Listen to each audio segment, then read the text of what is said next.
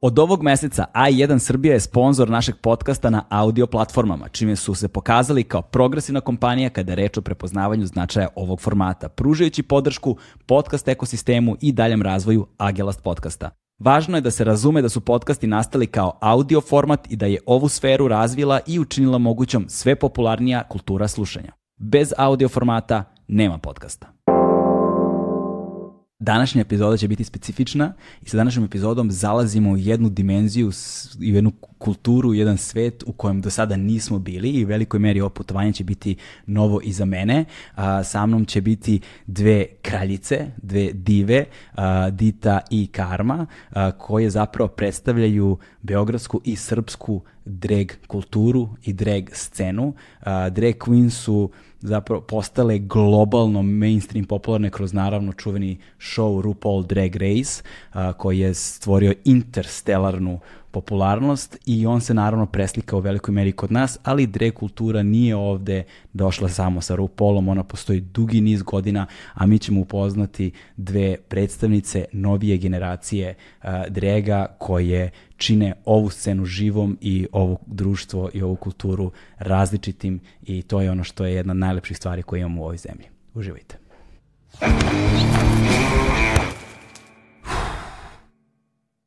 Hmm.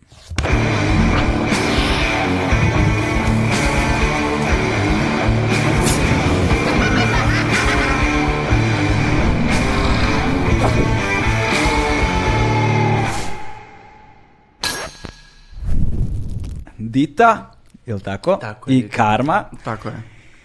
Odakle početi ovaj razgovor? To je sada toliko, toliko, toliko pitanja, ovaj, a ne znam, ne znam prosto, prosto odakle početi. Ajde da počnemo ovako. A, razlog zašto sam vas zvao jeste zato što vidim da u posljednje vreme, posljednjih nekoliko godina, drag kultura je ono uzela maha ozbiljno, ima jedan onako uh, eksponencijalan rast strahovit, ali negde mi deluje da, u, da je i dalje opet nekako u undergroundu. Ljudi koji prate drag znaju sve o dragu, ali ljudi koji nisu za te scene ne znaju apsolutno ništa.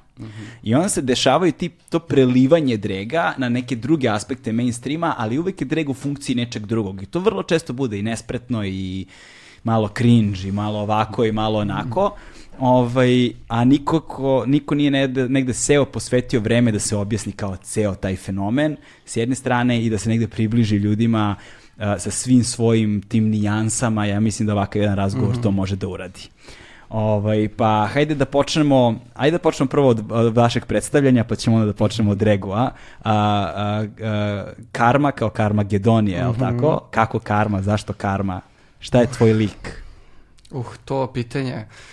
Znaš koliko puta, koliko puta pokušavam da dam neki drugi odgovor, da zaobiđem ono, znaš, kao klasika koju, koju dajem. Pazi, generalno, uh, karma kao jedan onako fenomenološki moment karme, verovanje u karmu je bilo nešto što je kod mene konstantno bilo u životu. I onda se desila pesma od MIA, Carmageddon, koja se bavi um, pitanjem budućeg vremena i političko pitanje i nekako je tako prirodno došla kod mene. I onda kad ti malo istražiš Carmageddon, ti dobiješ prevod, onako onaj um, shit hit the fan. Da, da, da. Znači sve odjedno. E, i to je moj osjećaj. To je taj osjećaj koji ja imam u sebi i nekako je savršeno se klopilo. Savršeno. I pritom, moje ime, kad se obrne u drag, sadrži sve. Sad mi je Da, jasno, da, sad da. mi je jasno, sad, sad, sad mi je jasno. A vidiš, nisam razmišljao do sada o dregu kao nečemu što ima i politički podkontekst, koji ima, koji ima društvenu jaku dimenziju, kritiku, poruku. Se to, to, toga u dregu ima? Apsolutno da. Mislim, ja sam na neki način ono kao možda na neki način čak i uvela to negde, zato što uh, kada su se naprijed dešavali izbori, ono kao ja sam bila sve ok, ja sad kao moram da edukujem na neki način ljudi, da ih malo usmerim. I meni je bilo sasvim prirodno zato što ja sam ugovorila da je sam ulazak u drag sam po sebi political act. I kao sa tog aspekta mislim da kao generalno sve što mi radimo je negde na neki način kao ove, imate politički aspekt, ali sa, sa druge strane, kao trebalo mi je baš to, baš neka živa poruka koju bih poslala, međutim tada ljudi apsolutno nisu bili spremni za to. Da. Su bili su zona kao, gde ćemo to da radimo, dolaze ljudi da se zabavljaju, ne žele da slušaju politici, ne žele da slušaju Vučića i slično. I kao, ne možeš da reći. Drugo, postala i bojaz kao na koji način će se to dalje odraziti, uh, koje sentimente će to pode... Mislim, pobuditi kod koga i, i kako će se to obiti nama o glavu. Međutim, ono kao ja sam ovaj, naravno po uzoru na Madonu, zato što dite je nastalo od Madone, ovaj, apsolutno ne razmišljam o tom, nego samo prosto mora da se iskanališe iz mene, tako da ovaj, danas sam baš, onako primećujem da sve više drag radice danas kao teže tome da uključe i te elemente mm -hmm. u svoj performance i meni je to baš onako fantastično i ja to podržavam. Ovaj, kad smo već, uh, kad smo već pomenuli da je to, onda moramo da pomenemo odmah ono po čemu te verovatno najveći broj ljudi koji nemaju nikakve veze sa dragom znaju, a to je po hajci jednoj koja se desila na Prajdu, koje godine? 2018. godine. 2018. Mm -hmm. godine na Prajdu, šta se desilo, molim te? Wow, mislim, ja iskreno nikada nisam kao pričala o tome. Aha. I mislim, ta priča je malo duga, u da? suštini, ovaj, ali... Šta to znači? Pa, postoji čitav jedan pozadina, jedan Aha. behind the scenes moment koji Aha. kao fazno niko ne zna. Molim Jer te. Moja poruka je bila jednostavna u smislu, ja sam se pojavila obučena u srpsku tradicionalnu narodnu no, no, nošnju, mm -hmm. sa ciljem da pokažem da mi pripadamo i želimo da budemo deo tradicionalnih vrednosti. Mm -hmm. Ja verujem u svoju teoriju uh, 3P, koju, ovaj, ja to kažem za sebe. Da. Ja sam ovaj, pravoslavac, patriota i peder. Aha. I kao sa tog aspekta ovaj, mi je bilo važno da pošljem tu poruku, da, da. mi želimo da budemo deo ovaj, tih vrednosti, da želimo da imamo svoju porodicu, da želimo da se volimo i da prosto tradicionalne vrednosti nisu vržnje, mržnje i nasilje, što je ono na što je negde najčešće onako pozivano od da. strane tih uh, ljudi koji se kao bore protiv nas, zato što mi gušimo porodične vrednosti i tradicionalne. I ovaj Šta god, da, kao. A, da, bukvalno. bukvalno. Ove, I sad tu, tu se dešava taj moment, ja sam te godine stvarno ako imala razne gigove, mm -hmm. bukvalno ono, ne znam, Zagreb, Sarajevo, Makedonija možda tad bilo te godine, ne sjećam se. Yes, Uglavnom znam da je, uh, tada sam otišla u Švedsku i to je kao bilo u fazonu kao prvi put da je neko od nas kao otišao van granica Balkana i to je bio Europride. I kao nekako sve kockice su se složile tako da je bilo logično kao da mene izaberu za kraljicu Prajda. Mm -hmm. E sad, ja sam znači svoju nevinost na Prajdu izgubila u suštini u Stokholmu. I kao Aha. tamo ti prolaziš, imaš gomilu ljudi koji skandiraju i kao svi su presrećni što te vidi, svi žele da se fotkaju sa tom i sve super. I kao ja zamišljam da je u suštini Pride u Srbiji kao nešto slično, samo možda malo manje ljudi. I, ove, Aha, a kad ja tamo, da. ono, međutim.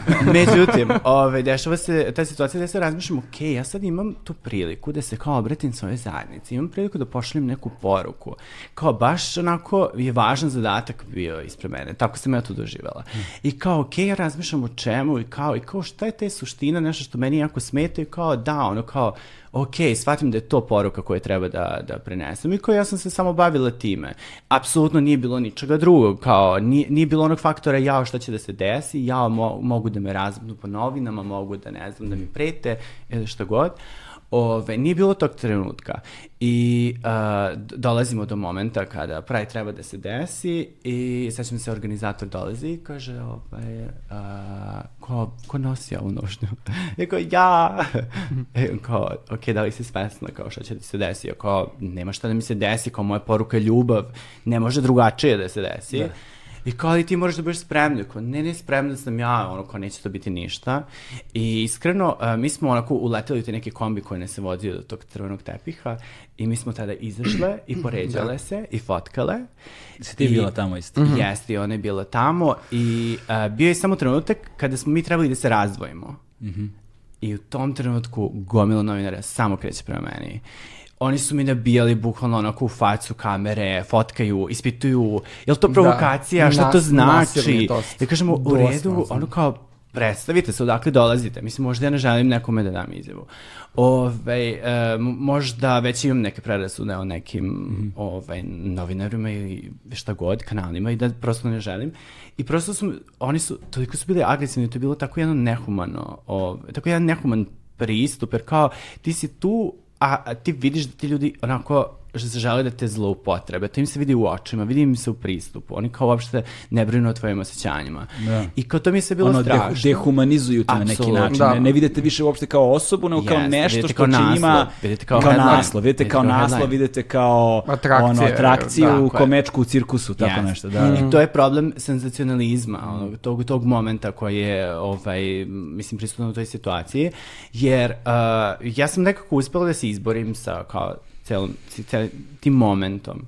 I ovaj, ništa, mi smo se popeli na te kao neki kamion pokretni gde smo, koji nas je vozio do parka gde smo imali nastup. I, ovaj, I tu se desio moment, eh, ja sam onako održala govor, objasnila o čemu se sve radi i kao svi su bili zadovoljni, sve je bilo super. Međutim, bilo je pretoplo. Da. Mislim, naravno nošnje, one čarape. Da, da. Prosto a, eh, he- nekoliko slojeva, znači to je baš je bilo heavy. I kao a, ja krenem da Toplije se topim. nego sad. Bukvalno. Toplije, da, da, da. mi, ono je se.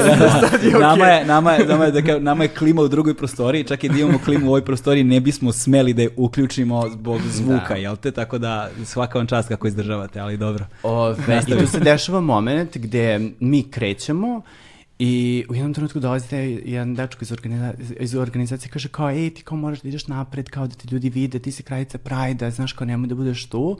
I ja kao krećem i sad treba da minglujem sa ljudima i u jednom trenutku skontam tu kolonu i mene onako uhvati neki ludački adrenalin, jer kao to su ipak moji ljudi, kao Da. i, i, i, i ta sreća i zadovoljstvo i sve, onako ih gledam i naravno kreće Britney Spears, Toxic, pesma Here we go. koja me- Here we Okay. go. Britney Spears nam je posebna tema u ovom podcastu, samo da najavimo odmah. Ovaj, i, I to je bio moment, znači kreće Toxic i ja ono kao džuskam i odlučim da se popnem sa strane kamiona, da kao mašem ljudima.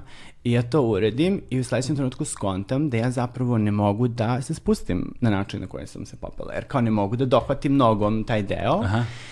I sad, uh, kao performer, ti si, mislim, generalno kada si u situaciji, ti improvizuješ. Da. Ti, ti se snalaziš, ti nisi iz fazona, jao, preskočila sam korak. Ti si iz fazona, ne, ovo je korak, vi ni ne znate da je to bio korak, ja ću da napravim da je to bio korak. Da, da. I ja sam totalno u tom stavu krenula sa tim, kao, ja ću sad kao da se spustim, kao niz tu šipku, kao dole, Mhm. ovdje da ti izgleda kao da je bilo intentional. Ali čekaj, stani, nije to šipka. Mislim, Da, kao, nije ti, to ti šipka, u tome to je nije problem. šipka. Da, to, je, jeste. to je kamion, ono, znaš, gde pakuju stoku kada je vode negde i Da. ti imaš one, kao, bukvalno, ne znam, Nosače neke, da. Ne, bukvalno ono što drži kao da imaš... Konstrukciju. Tu se radi, Da. ko, Da, da, šta da, da, da. konstrukcija kao Da, da. u suštini. Da. E, o tome se radilo, gde sam se ja zapravo tu spustila. Aha.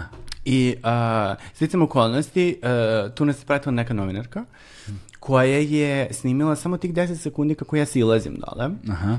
Kao kako pa, kao džuskam i kao silazim dole. I uh, mi nismo stigli ni do parka, bukvalno, već je izletao naslov. I prvi naslov je bio Kraljica Prajde igra oko šipke u Narodnoj nošnji. Aha, aha. I to je ono što su ljudi videli. To je ono što su ljudi servirali. U tom trenutku moj Instagram je bukvalno eksplodirao. Ne. To su bili uh, apsolutno random ljudi koji su slali ubićemo te, zaklaćemo te, naći ćemo te, mislim ono, da ono, ti skrnaviš, ti si ono, ti si ovo. Mislim, baš, baš je bilo heavy. I ja u tom trenutku kao zaključam profil, meni je bukvalno do trenutka deaktiv, odnosno kao deaktivacije neke tih uh, socijalnih mreža, Uh, meni je do tog trenutka stiglo oko 2000 i nešto ovaj, samo Zahteva. a, zahteva, da, koje ja nisam odobrila. I um, jako, mislim, ja kao jako glupava osoba, a, koja ne zna da koristi Twitter, a imam kao profil na Twitteru, ja ugasim sve društvene mreže osim Twittera. I kao imam potrebu da kao nešto kažem i sve sam super mogu da kažem na Twitteru, jer kao to niko neće skontati. I ja na Twitteru napišem nešto u fazonu, kao danas je Srbiji najveći problem to što sam ja se pojavila u kao srpskoj narodnoj nošnji da pokažem da je ljubav jedina tradicionalna vrednost. A reko kada ovaj, svešteničke odore nose uh, pedofili kao onda ćutimo i onda kao zatvaramo oči. Na vatru, nisam da, znala da. da se desio čitav jedan moment ljudi koji su to šerovali, koji su pljuvali, koji su ispod se svađali u komentarima i naravno izletao je uh, sledeći naslov. Oglasila se glavna akterka skandala. Da, ja. Pogledajte šta je poručila. I oni su Pečat mi je screenshot... omiljeni, pečat mi je omiljeni. Ne, pečat je omiljeni naslov, jeste, da, to je pisalo od Milunke Od Milunke, da, da, da, da, do, do Pride-a. do, da, do Pride 2018. Tako nešto kao Da. istorija. Onako, pos, i, e, prisvojili su me kao istorijsku ličnost, ali su me u tekstu napljuvali kao neku nedefinisanu osobu koja ne može ni da se objasni ovaj, nešto u tom kontekstu. Da. Ove, ali da, dešavala se čitava ta drama, ja sam, uh, mislim, to se, i, i pritom, ok, dešavaju se ti naslovi, ja se onako tresem, histerišam, ja se raspadam, znači ja o, još od stresa se dodatno znojim, a Da. treba da izađem na nastupam. I samo bukvalno bio moment kada Ida Peštažo kao, prozi kao, dite mobil, i ja kao, ljudi, sklapajte me, i oni svi pretrčavaju i oblače me, i ja ono kao, Mhm. pre toga umirem i moja faca je kao skroz zabrinuta, iako ne mogu da se fokusiram, do trenutka kada ono kao, I'm Dakle, getting dakle, ti, ti, dakle, ti si svesna već tada u tom trenutku se Jeste. sve dešava. Dakle, Da, da, ti ali vidiš- mene to jako pogodilo. Mislim, Da. ja sam generalno hipersenzitivna moj, ono, osoba. koga ne bi pogodilo, ne? da, da li si luda, ono. Mislim, ja ne znam zato što kao ja sam po prirodi hipersenzitivna osoba Da, i da. kao mene sve zna da pogodi, ono, kao i najmanje sitnice, ali, Ali to ovo je baš noćna mora, ovo je, Ov- ovo, ovo je ono što svi, da, ovo je ono što svi negde zamišljamo kao najgori mogući scenario Jeste. koji nas čeka negde da. na društvenim mrežama. To, to. Posebno sa bilo kakvim istupanjem u javni prostor, Jeste. To je, znaš, to je, to je, on, to je taj strah. I ja sam tada zapravo ono bila optimistična kao, ma da, to je verovatno jedini naslov koji će da bude. I onda su ljudi krenuli da mi šalju ostale. A ja sutradan startujem kao na svom poslu, novom, mislim kao u privatnom životu. I, ovaj, I to je bio trenutak kad ja idem taksijem na posao i mi stajemo baš tu negdje gde je pešački prelaz sa strane trafika. I ja iz taksija vidim svoje fotografije na naslovnoj strani. I Da, da, ja da. sam rekla, molim te, stani. I, i je izašla, uzela i skontala da je fazon svaki drugi naslov otprilike. Tada bio to. I meni je iskreno bilo ekstremno teško da se sa tim suočim, jer kao, ja raz, mislim, nije postojala namera da to kao eksplodira, eksplodiralo je iz pogrešnih, eh, mislim, razloga.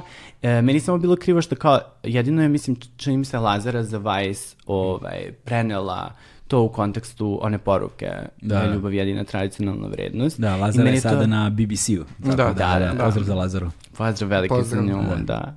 Ovaj, ali eto, to je bio jedini tekst koji je bio kao objektivan, koji je zapravo preneo zaista ono što se desilo i nije se bavio tim ovaj, senza- senzacionalističkim delom, da, Jeste, da. da. Ni, znaš, to je taj pro, pro, Ove- problem tog poslovnog modela gde se grebu za, za, za, je. za like, za share, za klik, jer klik donosi Jest. novac. To je profitabilni deo tog posla, s jedne strane. I s druge strane, to su stvari koje su instrumentalizovane već toliko godina unazad. To je, to je ustaljena praksa. Ono. Da. Znači, oni kad te vide, vide clickbait i to je to, znaš. Tako je.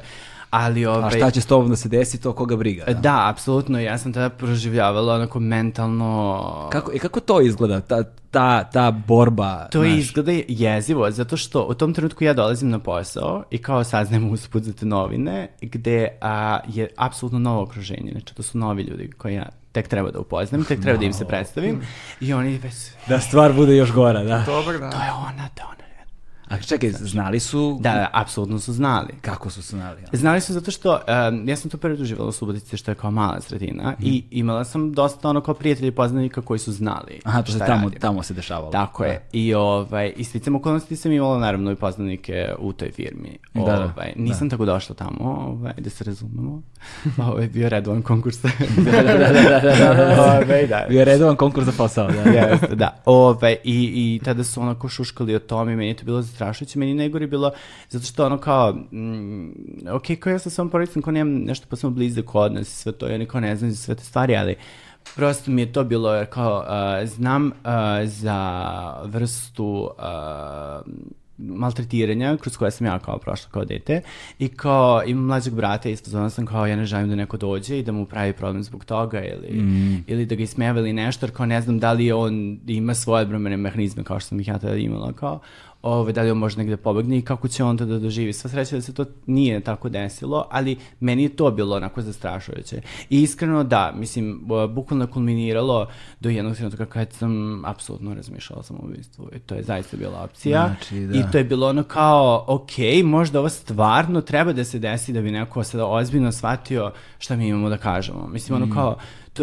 došlo do toga, zato što meni se život pretvorio u to da čekam 8 sati da vidim naslovne strane za sutradan i kao da molim Boga da, da, da se neću pojaviti, a sa druge strane kao svaki put naletim.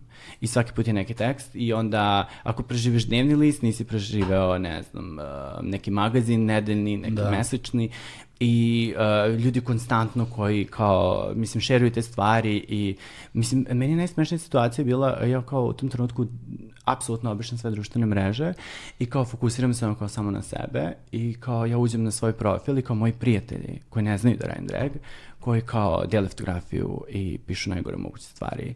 Da sad ti dobiješ tu dve dimenzije, oni koji znaju, Tako ali je. i kao imaš uvid oni koji apsolutno nemaju pojma i Tako kao je. vidiš zapravo negde stvarno lice Jeste, ljudi koji su apsolutno. Kao tvoj, tvom okruženju. Da, Da. to koliko je to strašno. Ove, ali jedini način da se zaštitimo od cijele te situacije m, e, jeste bilo da, da, ove, da apsolutno ne kažem ništa. E, mnogi su smatrali da je to pogrešno i da kao treba je sad da objasnim to i da treba ono, predlagali su kao konferencije za štampu, nešto kao Kako? da objasnimo, ja sam iz fazona ne, mislim, zato što kao em, ti ljudi koji su komentarisali to, koji se bave tim sensacionalizmom, Mhm. oni su razumeli na taj način i oni drugačije neće razumeti. I kao, ako sam nešto s godinama naučila, to je da se ne trudim da objasnim ljudima koji nemaju kapacitet da razumeju. Da. I kao, štedim svoje vreme, štedim svoju energiju i smeravam je na ljude koji će nešto razumeti. Ovo, tako da ništa nisam ispratila do svog povratka, kao do prvog momenta kad sam ja odlučila da se kao vratim dragu, A1 je prvi prijatelj audio izdanja Agelast podcasta.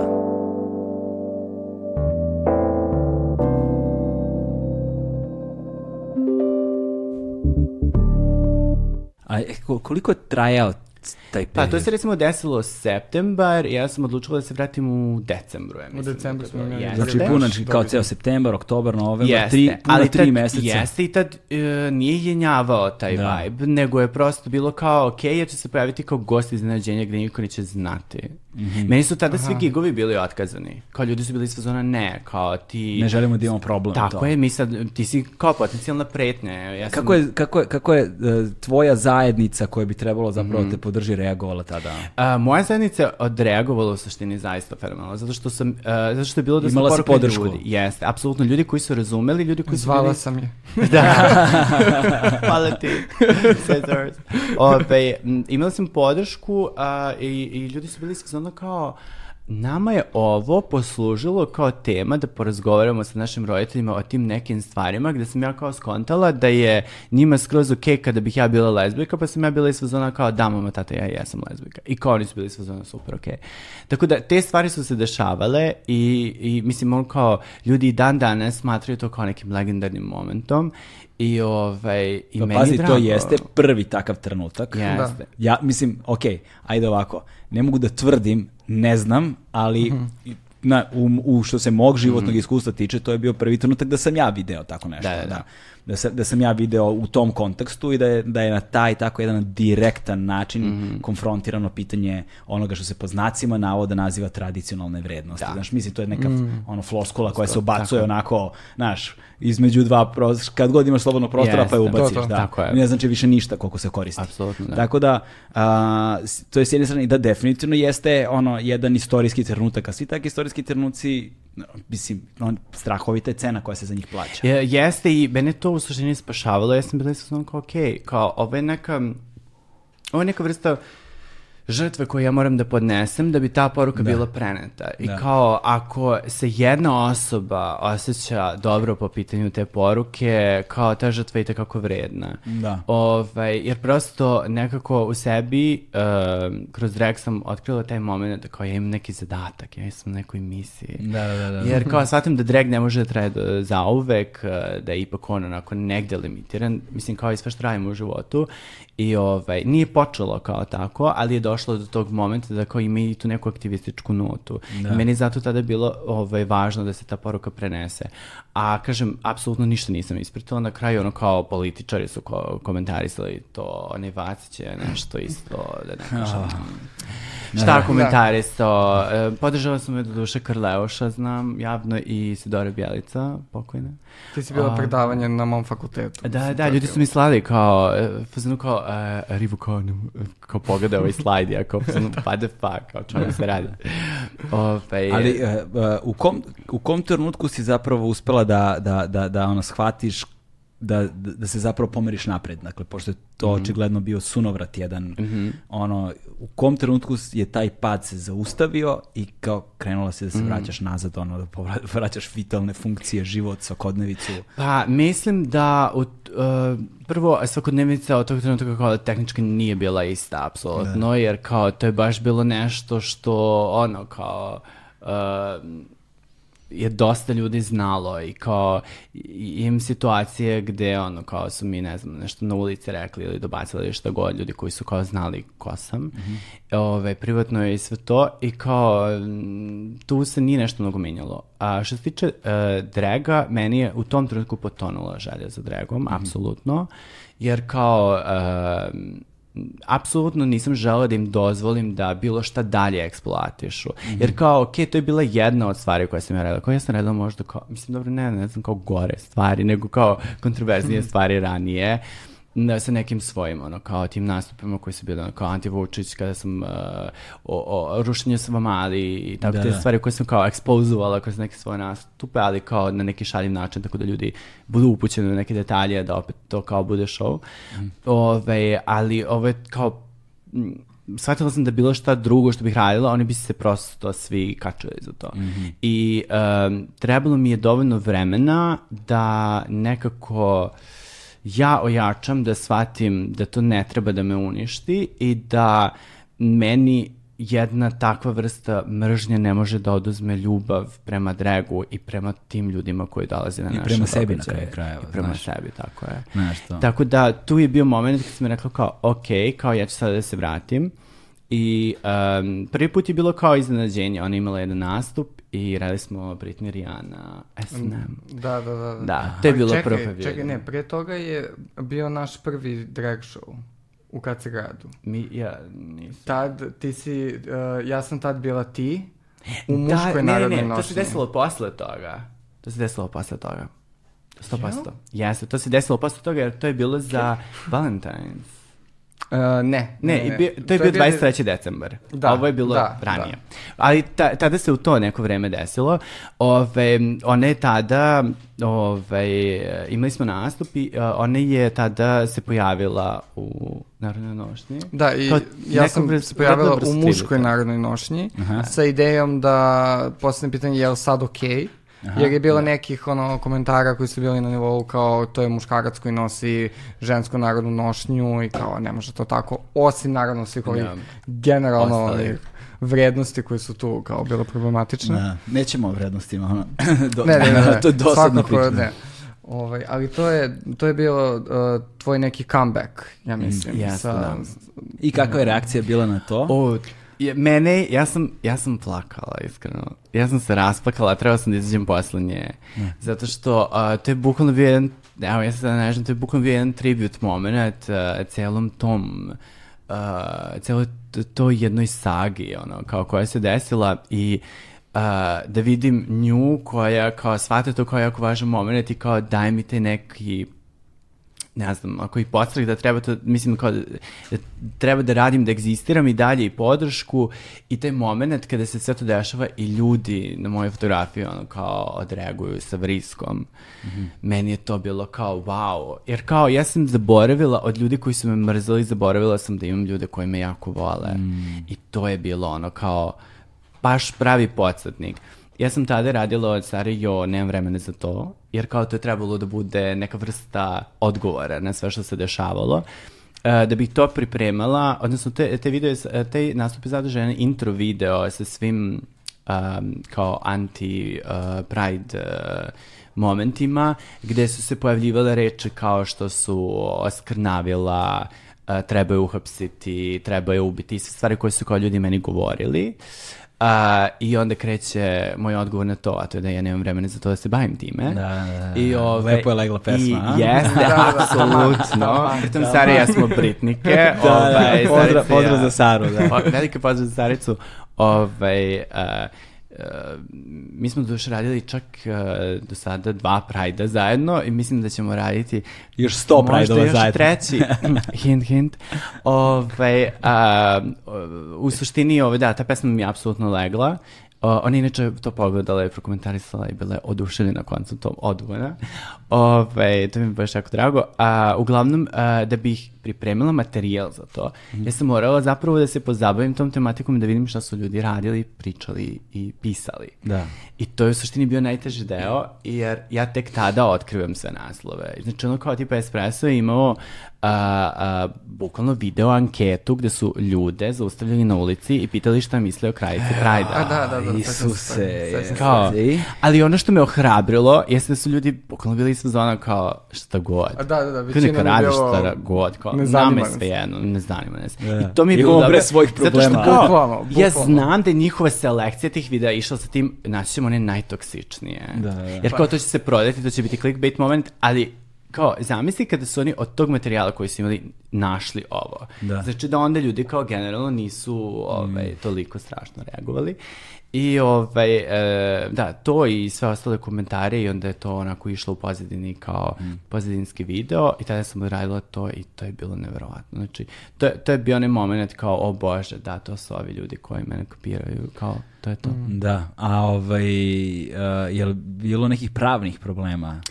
A, jeste, da, apsolutno. Ove, ja sam bukvalno poslednje dve godine se borila sa tim stvarima. Nemoj, Da. to, je, to, To je traje, trajalo, to je trajalo dve to godine. je trajalo dve godine. Jao, To je trajalo dve godine zato što a, u suštini, a, kada se to desilo, pokrenute je, po, a, to jest, a, POX, odnosno pokret obnove Ja, ja, da, kraljevine da, znam, da. Mm. Ja. Ovaj, Monarhisti ovi, da. e, da. Za kralja i to. Jeste, ne znam, znam da, ne znam, to je neko udruženje latentni pederi, ili tako nešto, ne sjećam se. Ove, u suštini, ove, oni su, kako se zove, pokrenuli krivičnu prijavu protiv mene. Mhm. I a, ta krivična prijava je ono, mislim, nabujala svim mogućim a, argumentima. Pritom prošla, je- Molim? kao bilo je, bilo je toliko prijava koje nisu prošle. Da, da, da, bilo je gomila samo- privatnih prijava. Znači, gde su kao pojedinci ono, podnosili prijeve. Što znači I- gomila, kao koliko to Pa, je? ne znam, znači to je možda bilo, mislim, zamisli, pazi, imaš osobu koja to videla i bila je sezona kao ja sad ovu osobu da tužim. Da. Kao, to je, uh, znači do mene, stiz, do mene su stizale samo velike stvari. Kao pravni tim se bavio kao tim stvarima. Znači imala si pravni tim. Imala sam pravni tim, imali smo grupu koja se zvala Legal.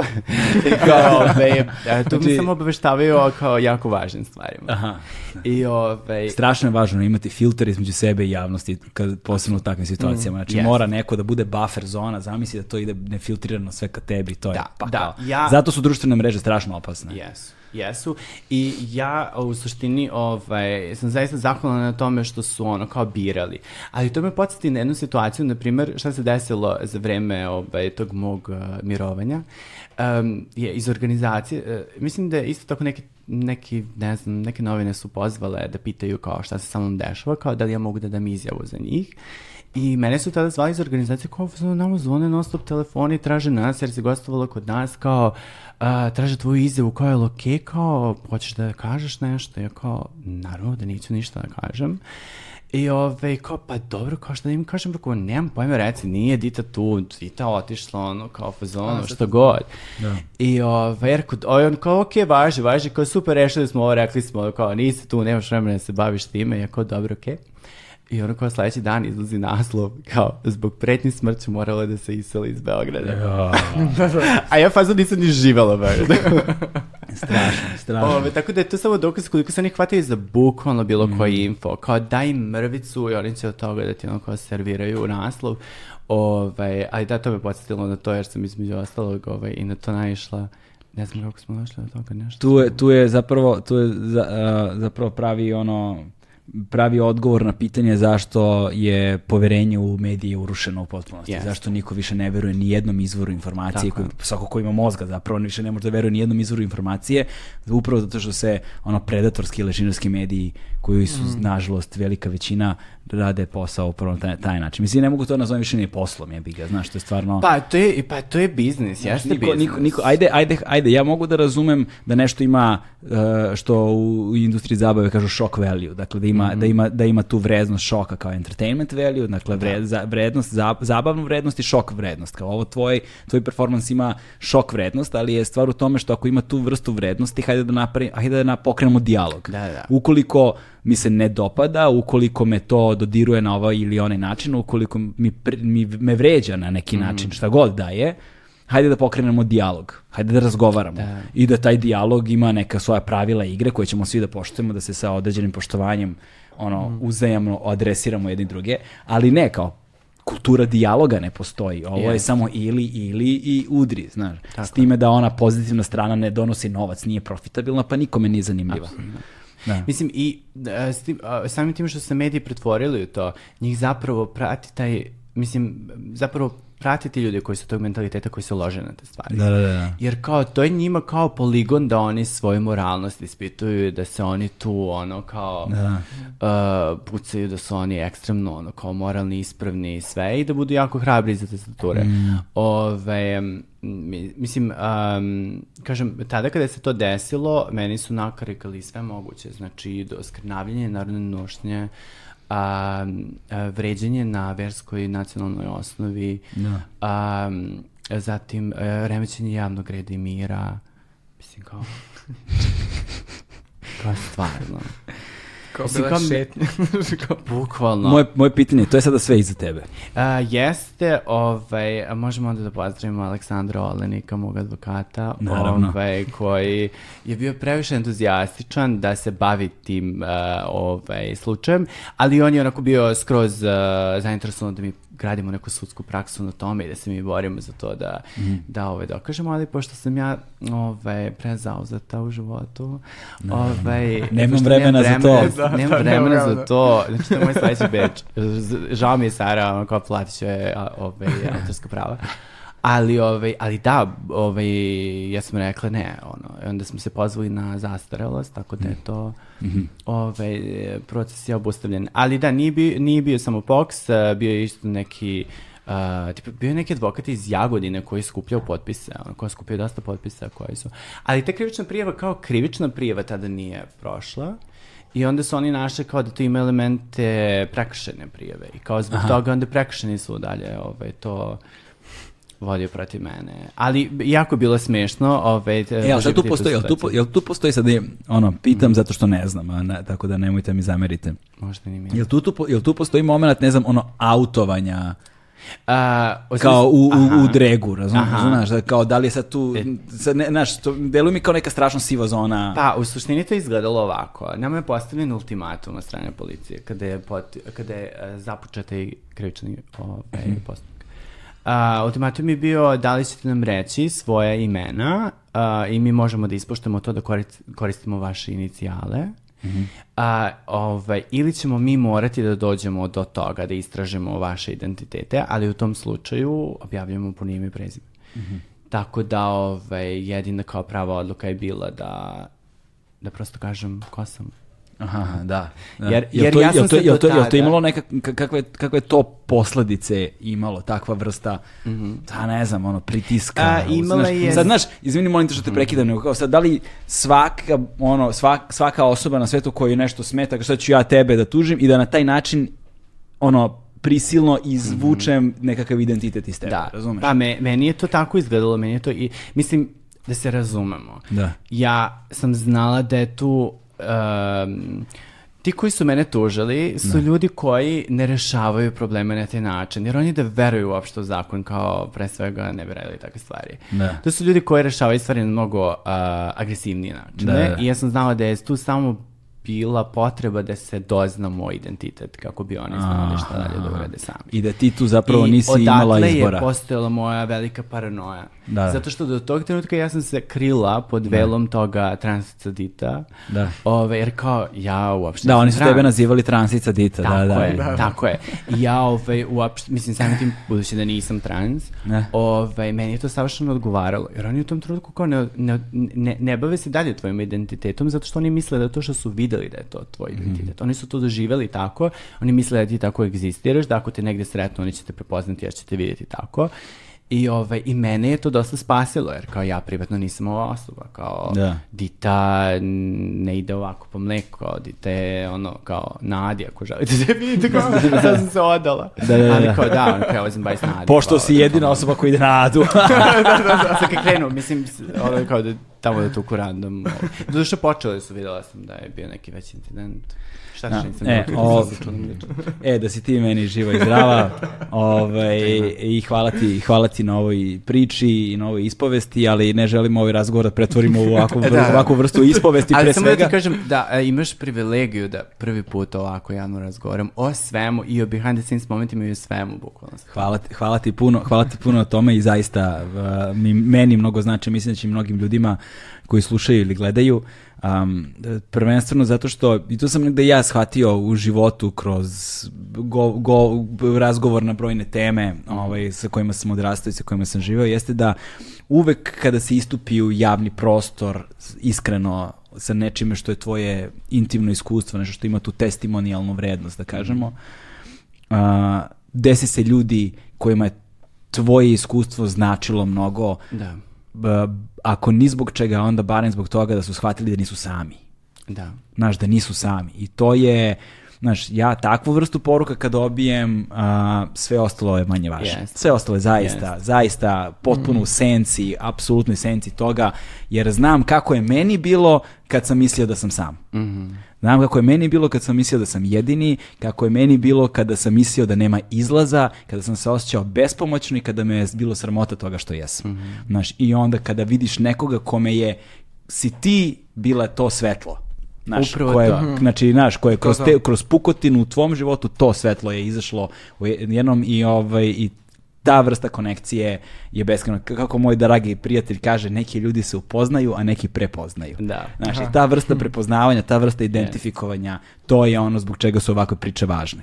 Ali ono što je možda još važnije u ovom kontekstu jeste da se ne zadržavamo nikada na tim pričama, jer one ne smiju da ostanu ti testimonijali ne smiju da hodaju za ovoj po toj liniji sentimente, da zapadaju u patetiku, eksploataciju, senzacionalizam tog tipa, nego da budu deo jednog šireg društvenog narativa. Hajde, super, desilo se ovako nešto, hajde da nam to bude jedan dobar izgovor, da onda govorimo dalje o nekim drugim većim društvenim promenama. Znaš, da sad to ti budeš jedna karika u jednom dužem, širem lancu, gde ćemo kao sada svi, ma negde da se uključimo, da se uhvatimo u kolo. Da. ja sam igrala Ja. kola na kraju, ali to je sve zanemareno. Mislim, ja, sam, ja sam tada izvodila, uh, krenuo intro sa Ja sam devojka sa sela, koja ide na Ja sam žena, nas je spremna i Noć je vetrana Srbijom. O, modelsice omiljena beše, jel tako? Naravno, Mod- to je moja himna, ali toliko da ljudi fazan kada izađu i čuju tu pesmu, oni me taguju kao šalju mi. Da, da. Kao, jao, Dita. Modelsice, O, da. Noć vedrena Srbijom i Twins i 30 dana robije, jel tako neko, kako se zove pesma, tako, se tako zove pesma, valjda. Ne, nije ono plavi slon bio od Twinsa, popularan. I to je, ali mislim da je to bilo sa Erom Ojdanićem, to je Da, isto bio da hit, ali 30 dana robije je bio onako underground, tu je bio vrhunac postmoderne poezije, kad na Šatrovačkom ima ceo deo Liburatsku me za jetvo mojine. Jao, ja, to je, da, da, taj deo, okej. A, a, a, ono, što, ono, ono što je meni bilo fascinantno kad smo ti i ja razgovarali, ovaj, a, pored toga što mi je beskreno fascinantno da zapravo posvećenost dregu traje ovoliko, ja, ja, mislim, pretpostavio sam da tu traje dugo, ali kao mi snimamo sad nešto posle podne, a došle ste rano jutros i kao ceo dan je, dozvoli, molim te, ceo dan je trajalo ovaj, š- e, sređivanje i kao tako svaki put. Da. Svaki put. Svaki, Svaki put. put. 3, 4, 5, 6 sati, zavisi. Da. Zavisi šta hoćeš da postigneš, zavisi št- gde želiš da ideš, u kom smeru, koji koncept. Mm, 3 sata je kao ono što obično ljudima kažemo, 3 sata sigurno, ali uvek to pređe u 4. Mhm. Da, da. Znaš, one sitnice koje zaboraviš, kao ja, sad treba ovo, treba zalepim periku, treba ovo, sad Da. se fiksira. I na kraju treba nokte staviti sve. Da, ali Oh. uvek računaš da te sitnice su kao to nije mnogo vremena. Jer kao, ok, šminkanje su kao to sve traje, kao šta je to, obučen kostim, međutim ne, ti ulaziš kostim, ti moraš za, da se ono zašniraš, da ti neko pomogne, da se Da. nauče, da se salo stisne, da se stavi u korset. Mislim, to uopšte nije... A pritom sve to tek dolazi bukvalno 10 sekundi pre nego što se formira sve ovo. Ti ne znaš kako će sve da ispadne. Kako zapravo izgledaju backstage-evi onda na drag eventima? Jao. ono? To je doživljaj. Haotično, haotično. To je, pazi, uh, mi obično dođemo dosta ranije, kao ajde, da se malo družimo i da polako Mm. se spremamo. I onda kako se približava vreme nastupa, znači vreme kad moramo da izađemo na binu, tad kreće ludnica. Znači, tad su svi na sve strane, tad je panika, tad je drama, tad čuješ svačije imena, ono, dođi pomozi mi, ovo mi ne ide ovako, zalepi mi ovaj deo, stavi mi nokte, gde su mi cipele. Ali postoji solidarnost Postoji, i naravno, rivalitet naravno. istovremeno. Ne. Jel postoji rivalitet? Ne? Pa mislim... Pa, ne, pa nekako... RuPaul nas je naučio da postoji rivalitet, kao, znaš.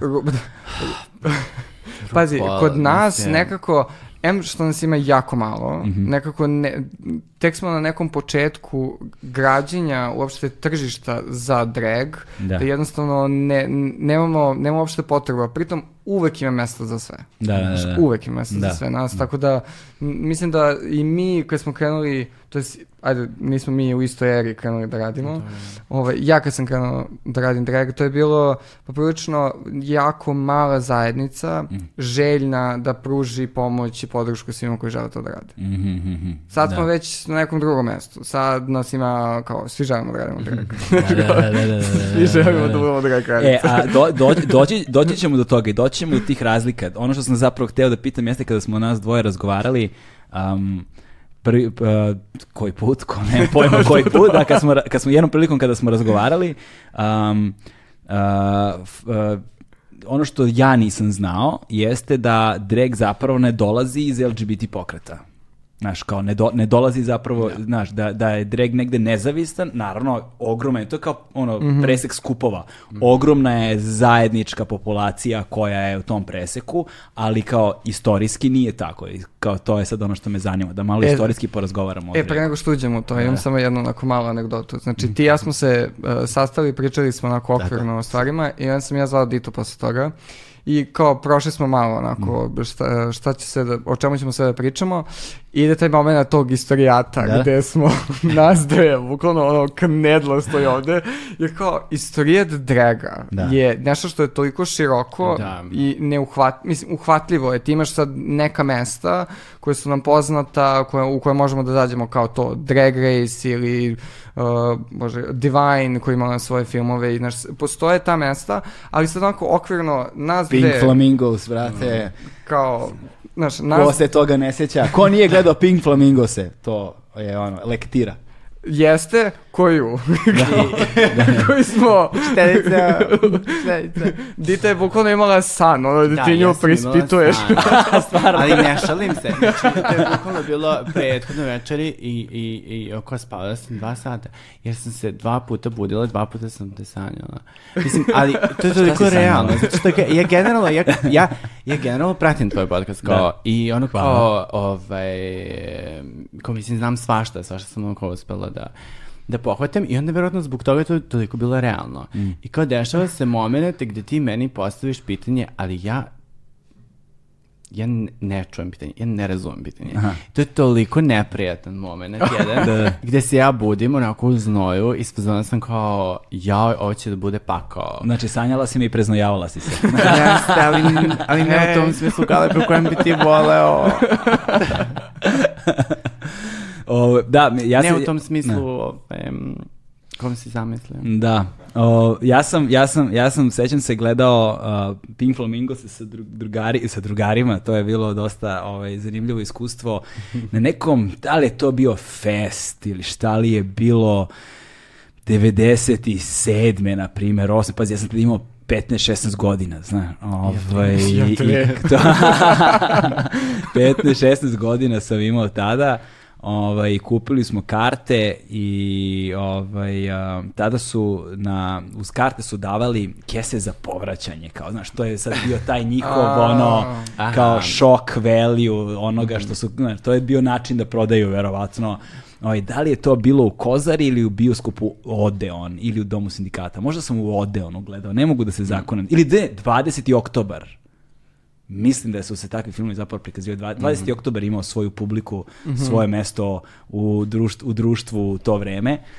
Ovaj, ali to je sada to je, to je sada nevažno. No, on vrati, da se vratimo na istoriju. Da se vratimo na, ist, na, na, isto, na, isto, na, isto, na istorija, na, da, na istoriju Drega. Pa ne, ne, ne, ne nužno sad kao ne, ne očekujemo od vas da budete kao ono e, doktori nauka koji su diplomirali i kao doktorirali na tezama o istorijatu Drega. Ali prosto negde da damo, da damo, da damo u kontekst zato što um, kako bih sad to postavio. Znaš, e, kada govorimo o Dregu, e, ma na početku smo rekli, na početku sam rekao da nekako je uvek u kontekstu nečeg drugog korišćen kao začin, korišćen je kao nekakav a, a, props, nekakav rekvizit, da. atrakcija koja će sad eto da privuče pažnju, da skrene pažnju, da izazove nekakav šok, da izazove nekakvu reakciju ovoga ili onoga tipa, ali nikada nije drag bio tu zbog drega. Mislim da do RuPaula mi to nismo imali Jeste. negde u suštini. Sad ja ne znam, ali mislim da, Mislim- da ga nije bilo. A kod nas je ono, sad da ne grešim dušu, ali znaš, za celu moju generaciju je to bio, ne znam, karamela ili tako neko, Aha. razumeš? I onda sad ti konteksti koje mi imamo negde u istoriji sećanja su verovatno radikalno drugačiji od onoga što je kroz istoriju. Ja sam te kasnije negde se sa Dregom malo bolje upoznao ono kroz karijeru Madone, na primjer. Madonna mi je bila ulaznica negde da sam kao, da, vidi ovde postoji nešto što je kao zanimljivo u stvari, Da. što je što ja ne razumem, ali kao što mi deluje strašno, za, što, što mi zde, da, Vogue posebno, pa posle su poznani sa Vogingom, Da. ne, pa i, i, na, tak, i tako dalje, i tako dalje. Ali, ali tad mi je bilo jasno da verovatno ono što ja razumem kao istoriju, ono što je zapravo istorija, postoji jedna razlika velika, pa zbog toga pitam, prosto negde... E, z- A, hoćeš ti? Slobodno. A, a ja samo hoću da kažem, znaš kako, uh, kod ti stvari koje kao nisu mainstream, na koje ne pada svetlo, onako koje su jako underground, je jako teško definisati generalno kao istoriju. Jer kao ti ne, nemaš baš, dosta se svodi na neki lični doživljaj i onda kao znamo na osnovu tih stvari. Mislim, uh, počeli smo negde od momenta gde kao muškarci preuzimaju ženske uloge, još kao dosta ranije kada je kao pozorište krenulo. Um, I tada je to kao bilo sasvim normalno. Mislim, kao podrazumevalo se da je najnormalnija stvar da muškarac kao glumi i tumači žensku ulogu. Pa da, imali, imali I- onaj moment, izvini, što kao generalno žene nisu mogle da glume. I onda Da. su muškarci mogli da glume ženske uloge.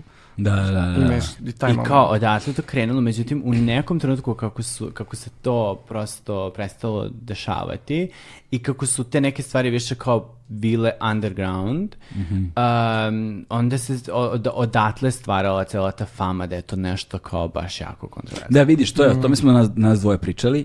Um, a, jer zašto je meni sada, kad kažemo drag, ajde da sad uslovno rečeno, rečeno kažemo, ne znam, kostimiranje, transformacija je možda, možda dobar izraz, um, je nešto što kroz istoriju civilizacije je prisutno. Kroz, ist, znači, kroz istoriju umetnosti, kroz istoriju civilizacije, kroz bilo kakav i posebno u javnom domenu. Dakle, mi imamo hijerarhiju kostimiranja u svim oblastima društva, koje su proizašle iz, na primjer, antičke drame, kad govorimo negde o judeo-hrišćanskom, o tom nasleđu u kojem se mi nalazimo. Dakle, a, a, proskenija, skenija, jel te, haleluja, koje je nastalo od grčkog hora, pa onda ti imaš samo, u samom kontekstu grčkih horova i grčke, trage, grčke drame, grčke komedije, ti nakon toga imaš, jel te, kroz rano hrišćanstvo upravo te neke motive, na primjer govoreći o tome da ti imaš hjerarhiju maskiranja i oblačenja unutar svih konfesija, ti imaš mas- maskiranje unutar bilo kakvih ritualnih aktivnosti, pa ti onda imaš karnevalsko maskiranje, kontekst od, od pozorišnog do uličnog, dakle ti kro- od bahanskih svečanosti pa na ovamo, dakle od dionizijskih svečanosti na ovamo ti zapravo imaš kontekst maske, pa onda imaš kontekst maske kao društvenog a, ventila, karneval je zapravo negde to bio, kada staviš masku, onda me pitaj da ti kažem istinu. Znaš, da je ono Da, kao da. društvo govorilo istinu o onome šta misli o svojim vladarima, ovima, onima, kroz druž- društvena kritika, kroz masku na karnevalskim umetno, fes- festivalima, koji su zapravo bili tendencijozno stvoreni kao, kao, kao ventil ono, radi političke stabilnosti. To je imalo tu ulogu za onoga koga zanima više, ja mislim da je, a, ima Bahtin i Kaiser o, o, o, o, karnevalskom, dakle možete njihove tekstove da pročitate na tu temu.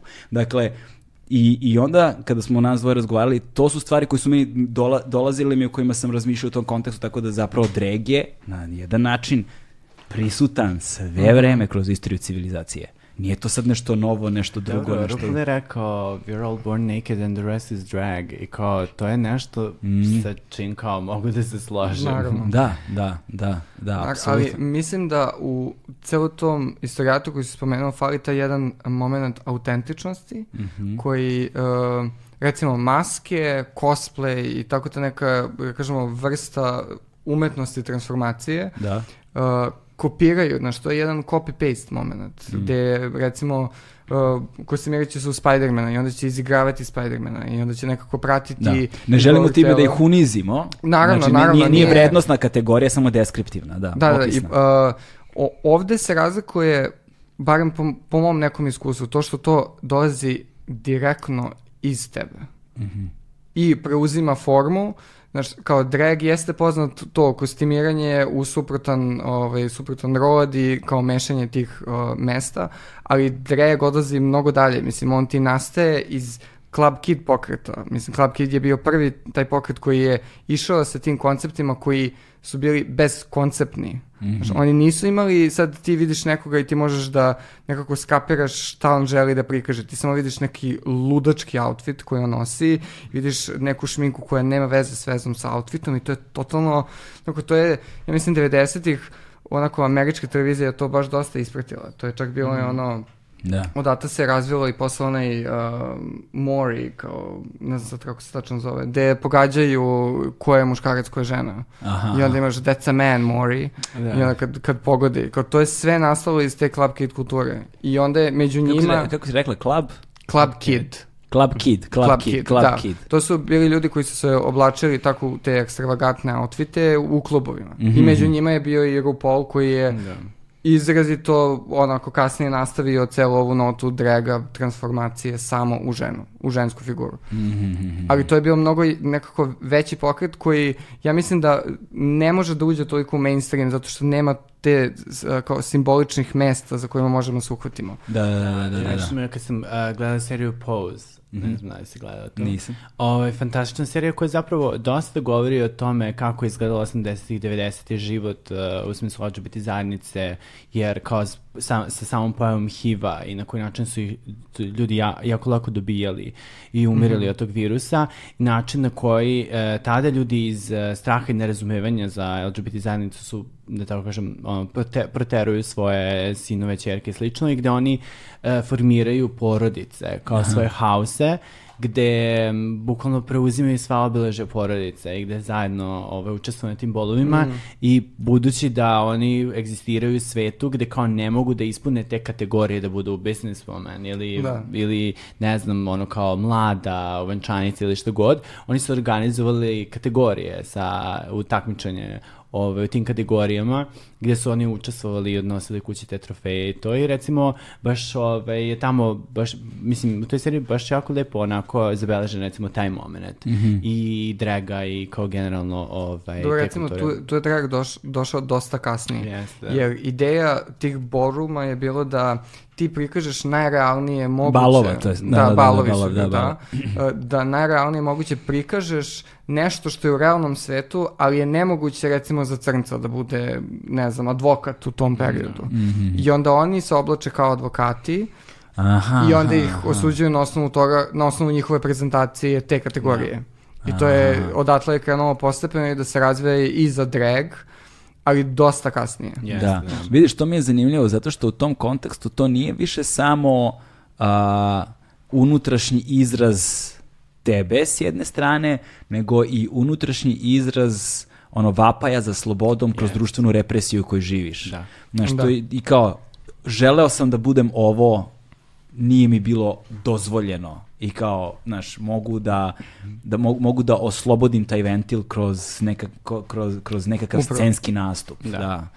To baš, to je, mislim da to ima ogromnu vrednost, da ljudi to strahovito pocenjuju. Mislim da to može da ima ogromnu vrednost za razvoj ličnosti, kara, za, za razvoj karaktera, za razvoj samopouzdanja, za ono otkrivanje na kraju dana sebe, znaš, jer kao Da. život je jednim velikim delom sve vreme otkrivamo sebe. I to, za, to iziskuje opet i neku hrabrost.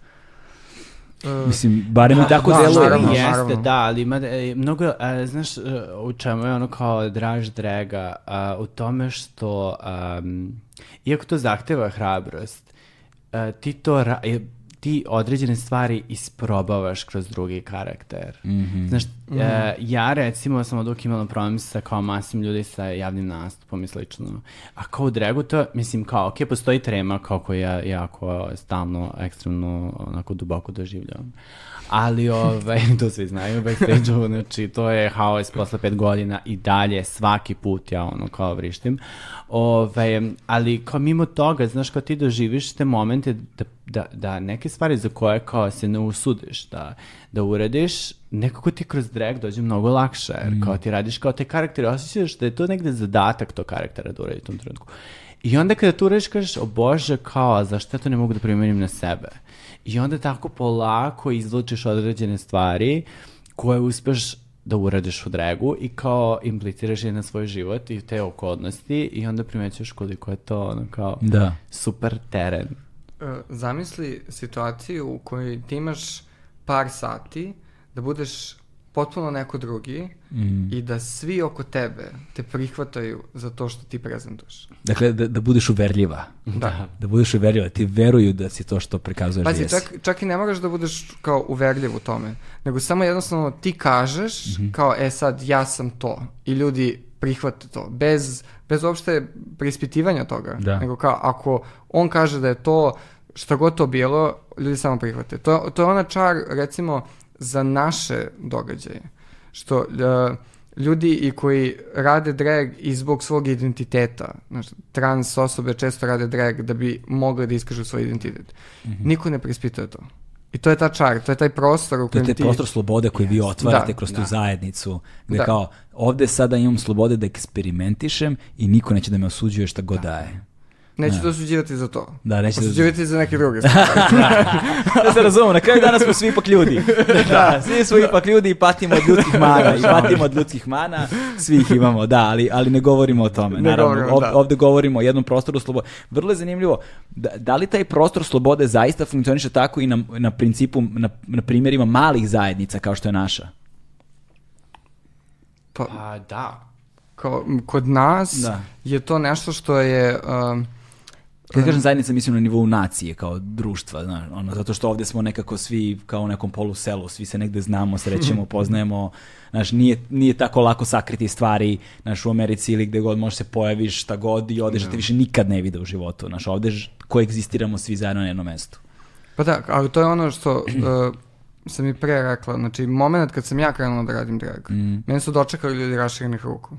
Da. I, mislim, naravno, to... Da, Sam bila. Čak, ni, čak, čak se nismo ni upoznali, tako Da. to je bio taj period, ali Ne. bilo je ljudi koji su želeli da otvore prostor. Znači, uh, Lazara, Alek i Vojkan su radili violin partije u KC gradu, gde je cilj bio da gledaš epizodu Drag Race-a, ali da lokalna drag kraljica ima kao svoj hosting moment, da nastupa, da priča sa ljudima, da se uopšte da se prezentuje i da se upozna sa publikom i da publiku upozna nju. Znači, To su neke, za mene bile kao prva mesta gde Da. sam ja krenula sa dragom. Znaš, mene, mene je Drag Race naterao da radim drag. Kao ja, ni, ja nisam prošla kroz sve ove faze kao e, preispitivanja, učenja o tome, nego moj bivši dečko je bio u fazonu, e, ja sam radio drag, ja kao, šta je drag? Kao, pa muškarci se tr- transformišu u žene, ja kao, ma daj, Da. neću se baviti time. I onda šesta sezona, Drag Race ima Bianca Del Rio, koja koristi insult comedy, Da. koju ja uvek koristim, Da, da. ali uvek problematično. I sad zamisli ti dobiješ priliku da ti to uradiš negde i da ljudi se samo smeju tome, a ne da se uvrede. Ja kao, "A, čekaj. Da, da, da. I jako, polako se razvija i evo nas. Da, kod mene isto došlo, s- šesta sezona je kriva i Bjanka je kriva. Jer kao, ja do tada, apsolutno Znači, šesta sezona, to je sezona za gledanje. Da, apsolutno ne smijete pogledati jer ćete postati drag radice. ne, kod mene je recimo to bilo uh, dobrim delom spontano, ali kad se kao vratim unazad, mi smo baš jedno, jedno večer se preduvali, gledali moje videe i ona je rekla kao pogledaj, molim te, sve upućuje na to da ćeš ti postati drag radica. Ove, jer ono kao, ja sam, um, ja sam od uvek slušala muziku, zamišljajući kako bi izgledala moja verzija Zar spota. ne? Za, Kako bi izgledao moj nastup. I kao, mene nije zanimalo ništa drugo, ali kao, nemam te glasovne sposobnosti kao da pevam, da stvaram muziku i to. Da. Voljela sam da pišem tekstove, ali kao, šta da uradim sa tim? I kao uvek je postoje taj neki moment kad se ja kao zatvorim u sobu i kao pustim pesmu, pustim Madonna ili šta god i ja osmislim ceo moment. Sve, ono, do detalja šta će, kako da izgleda. I, ove, I samo je to tako egzistiralo. Da. To nije bilo nigde smeštano, nije, nije, pri, nije prosto pripadalo nijednoj kutiji u tom trenutku. Da, nije imalo I ime, ja nije- drag nisi ne imala znam. odnos, da, Tako je, da. ja za drag ne znam u tom ko- koliko trenutku. si godina tad imalo? Koji je to period? Pa, a ovako, prvi moj drag gig je zapravo bio sa sedam, ja mislim, godina. Ja, kada sam bila mala, ja se samo sećam scene gde e, na TV-u ide Lepa Brena i ja koja sam zvana Baba daj suknju. Da. I Aha. to je krenulo sa tim i krenulo je sa tim da kao izađemo na ulicu i onda sam ja zona, ajde gledajte moj performance. I onda ja kao imitiram, ne znam, lepu Brenu, Karleušu, kog god već, sve ne. I, ove, i meni, meni je, na primjer, uh, meni, meni je to bilo fascinantno. Taj način na koji su se oni smijali, na koji su oni uživali, ja se još više uživim i onako, meni, meni je to toliko hranilo. I onda se dešava moment, mi odlazimo na rekreativnu nastavu u prvom razredu, na divčibare i kao takmičenje u imitaciji i ja to najzbiljnije shvatio. ja zaposlim sve svoje drugarice koje su bile tamo da mi budu kao pozadinski plesači i one kao, ja idemo napolje se igramo u parku. Ja kao, gde ćete vi? Imamo probu. Kao, gde ste krenule? Moja učiteljica koja se gledala, sad sam se lično sa terasi uvek govorila, kao ja sam se plašila kad si ti bio mali, kao fazonu da ćeš izrasti u neku osnovu koja će da hitleriša drugima, kao šta da radi. Ove, jer kao ja im nisam dao, uh, kao ne dajem im prostora uopšte za to da kao oni imaju free time, nego ono kao mi smo sad na probi i one su naučile sve korake i tad dobijem diplomu kao za najbolju imitaciju, naravno normalno, logično. I, ovaj, Samo prirodno, samo prirodno. da, i to je bio kao moj prvi gig. Ja iz toga učitam da je to sve kao nešto ekstremno cool što ja radim. I onda se dešava moment kada mene nastavnica pita kao, ja, hoćeš ti možda da pripremiš nešto za kao, za kraj godine, kao smaci odlaze, tu će da budu sve generacije, da, da, da. I ovo, ja kao može, okej, ja sad kao se zdamo razmišljanje šta da radim, šta da radim. Naravno, ja iz- izberem tada da u nekom šočiću i zavezanoj košuljici lipsinkujem Alku Vojicu, profesionalka, zato što meni je toliko bilo fascinantno da ja u školi, a pazi, ja sam prvi razred tad, Da, da. prvi razred osnovne škole, gdje ja razmišljam koliko je fenomenalno što, će, što oni ne kapiraju da ću ja pred celom školom u jednom delu lipsinkovati deo koji kaže ja nemam silikone i meni ne vise, ja imam prave pravcate sise, pipni.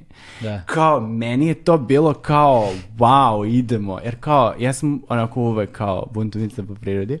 I joj, to mi je bilo fascinantno. I ja kao, sve se to dešava, oni sve žive i sve je super.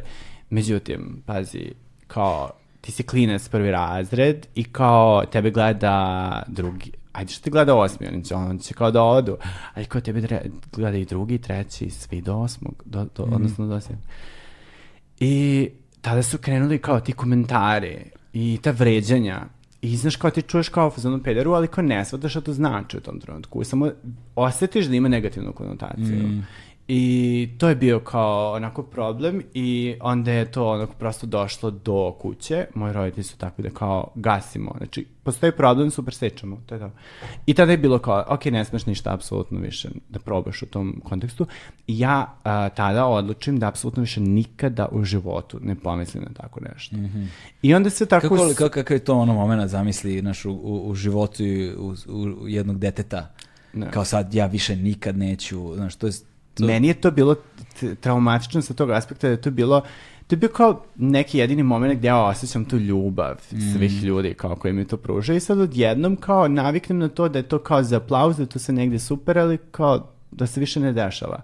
I kao, ok, možda ja radim nešto pogrešno. Krenem sa tim i ubeđujem sebe da radim nešto pogrešno. I ja na taj način apsolutno zamrzim ceo taj moment, ali s druge strane ja se uoče zaključam moji ako nisu tu je kao ja moram da učim, ok, idete negde super, tamo da učim i kao u fazonu odvrnem ono kao Madonu, Britney, kao krenem da džuskam i snimam se svašta nešto i, ovaj, i, to, i, to, i kao živjela sam apsolutno taj život.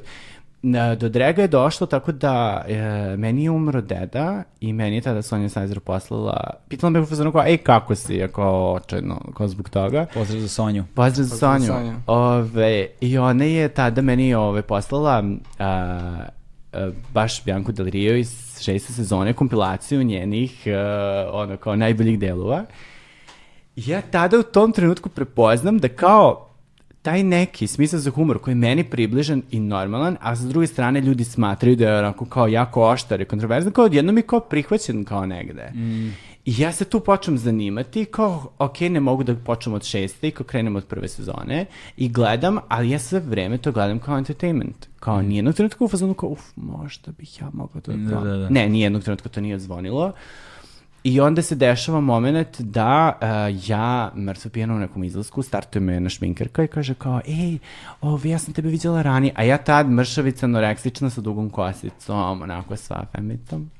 Ove, I ona meni kaže, ja, ja sam tebe videla, ti izgledaš kao da nisi odavde, kao da si, ne znam, iz neke druge države, kao, meni je to fantastično, kao ja hoću sa tom da radim nešto. I kao, hoćeš da mi budeš model? Ja kao, ja, girl, naravno da hoću, a pritom ne znam o čemu se radi. I kao, znam da šminka da će mi nešto šminkati, kao ne znam čemu se radi. I ona meni kao šalje kao, ej, kao moraš da dođeš na probu kostime. Kao, kakav kostim, kao čemu se ovde radi. I ja se pojavim i onako gomila, haljina, štikli, svega izložena pred mene i u tom trenutku dete kojem je zabranjeno ono kao da, da se time bavi, u meni bude triggerovano i ja sam iz fazona ne, kao ja ovo ne mogu da radim. I to je baš bilo onako borba. Aha, više ja sam bilo mislio kao bilo je deto, Da, sad da, ne ja izlazim sam dok ne ne, ne, sve. kao, pa, ne, ne, ne, u tom trenutku ja nemam nikakve veze kao sa svim tim stvarima i kao ne znam ni koliko su ljudi otvoreni za tako nešto i kao znam samo Sonju koja radi drag i kao znam da je to ono kao za neki eventovi, to je to tad počela da organizuje sve otvorene klub žurke, kao to je nešto onako bilo okej. I interesantno da pre toga ja sam onako u srednjoj, tokom cijele srednje škole sanjala da kao izađem u apartman koji je tada bio onako kao gay postoji klub. dalje, ne ne posto- postoji, postoji. baš Ne već odavno. da. Ja nisam stigla da odem do, ovaj, do Da, njega. da, da, da. Ali, Bile su lude noći u apartmanu. Jeste, ali interesantno da nisam stigla da odem, ali ćemo doći do je, jednog jako bitnog zaključka u vezi sa apartmanom. Okej. Jer to mi je kao baš bilo, toko cijela srednje škole, ja kao sam onako kao, na, kao ne autujem se nikome ni sebi čak, ali kao jako želim da odem tamo, jer kao Britney Madonna Night, kao naravno. I ovaj, i um, tada, ovaj, uh, meni ona kaže kao radit ćemo drag transformaciju. Ja kao, o bože. Ali u meni čak postoje veći strah, kao još, tako se to desi i kao ja, meni se to ne dopadne i ja skontam da sve ono što je kao, osjećam da mi fali sve te godine i kao da ja potiskujem, zapravo bilo nešto kao, nja, kao, Da. bez veze. I ovaj, baš onako bio pritisak. Mi smo to odradili na nekom sajmu zanatlija gde gde su bili kao gomila ljudi koji kao tako nešto prave, tetoviraju, šišaju, svašta nešto. I svi ljudi su bili samo za našim stolom. Znači, svi ljudi su želi da vide kako izgleda ta transformacija. Meni je Sonja tada ovaj, poslala tu kosu koju sam tada koristila. I, ovaj, I to je bilo nešto neverovatno i to se završilo i ljudi su dolazili da se fotkaju, njima je to bilo nešto predivno. I Sonja je tada videla te fotografije i samo rekla, ok, a, ti moraš da dođeš da nastupaš na moje žurci, ne zanima me samo tako treba da izgledaš. I ja kao, pa ne znam, ja kao, sve ti je plaćeno, plaćeno ti je ono, prevoz, plaćeno ti je honor, ja kao, ja u tom trenutku kao, ono kao plaćeno, kao super, okej, šta god. I ja tada pristanem. Znači prvi izlazak nas je sve plaćeno, znači Yes. Da, da, da. pr- prvi drag i već, već To je bio je... 5. De, e, 5. e, mart 2016. godine. Aha. Ja se pojavljam, ali pazi, ja se pojavljam tada i ulazim u KC grad, koji je kao ono najsafe mesto na celoj planeti. Ja, ja sad zamišljam kako će neko da dođe me pretuče ili da, ono, kao da me ubije otprilike, pištoljem ili šta god. Jer ja kao nemam do tada tu percepciju o tome kako izgleda kao ta gej scena u, u Beogradu. Kao Da, da. znam na osnovu onoga što postoji u Subotici gdje kao ne postoji ništa. Da. I kao to je to, ne postoji ni klub, ni kafić, ni ništa, apsolutno. I meni je to bilo zastrašujuće.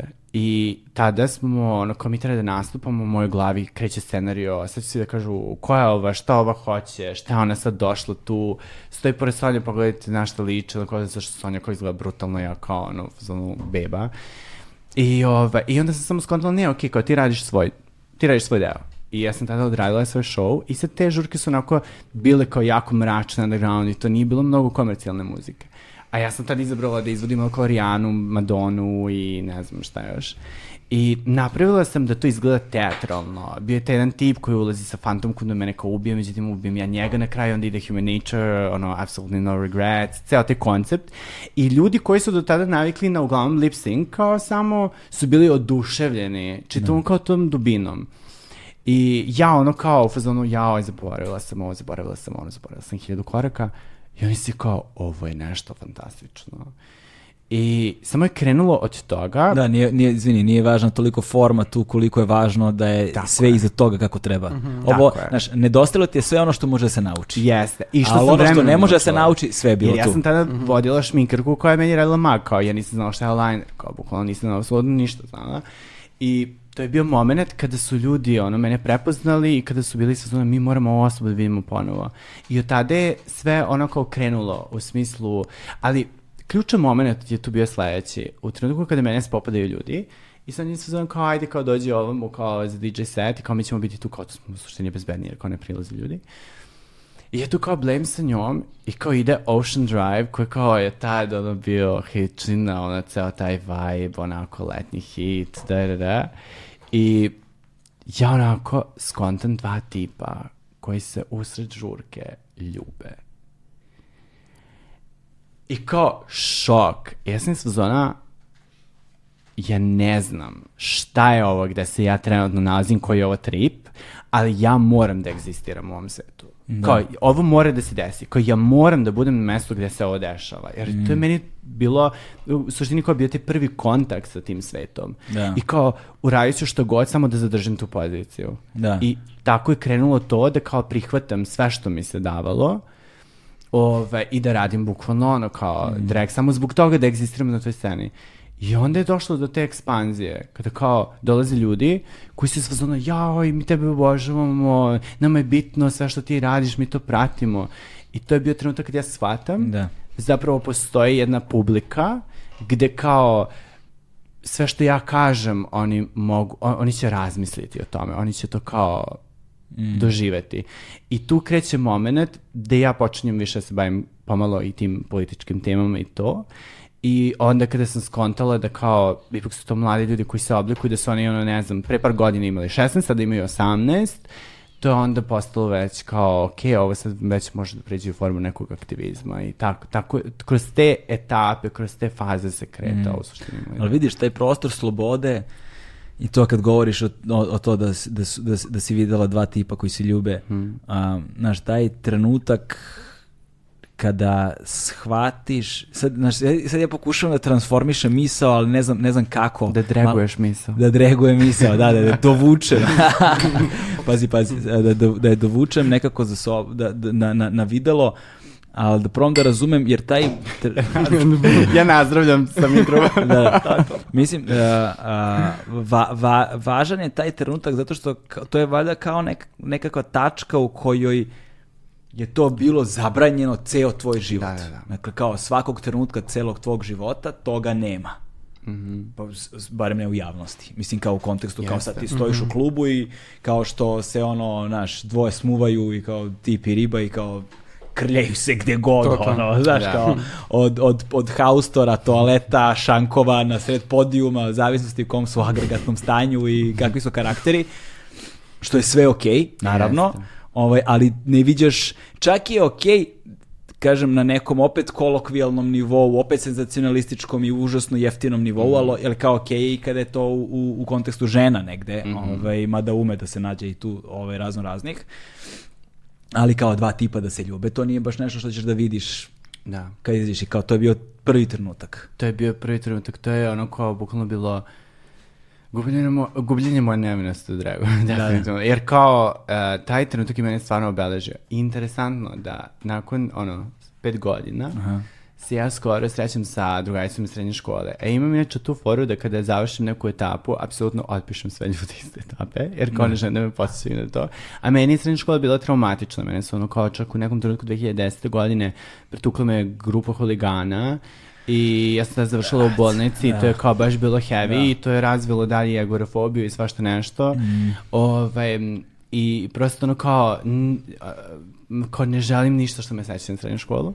I kao sretnem nju i totalno je bio drugačiji vibe, jer kao ja sada gledam na tu situaciju iz ove perspektive ove sada slobode i kao, wow, ja se osjećam dobro. Ono kao, sa tim se osjećam dobro jer osjećam svoj napredak. Tebe I onda mi je spasio. lakše. Tako je, apsolutno. Mene je drag apsolutno spasio. Naročito zbog uh, tog momenta gdje ja dolazim u jednu fazu života kad ja osjećam da da ništa što ja radim mene ne ispunjava. Do, poen, do momenta. Drag kada se pojavio samo ono što je sve vreme lebdalo u vazduhu kao nešto što ja jako volim, što me ispunjava i samo sletalo. Ono, pronašla se kutija. O tome se radi. Znači, ta kutija koja je nedostajala da ja ceo taj baggage ono kao spakujem, ovaj, to je došlo sa dragom. Drag je to meni doneo.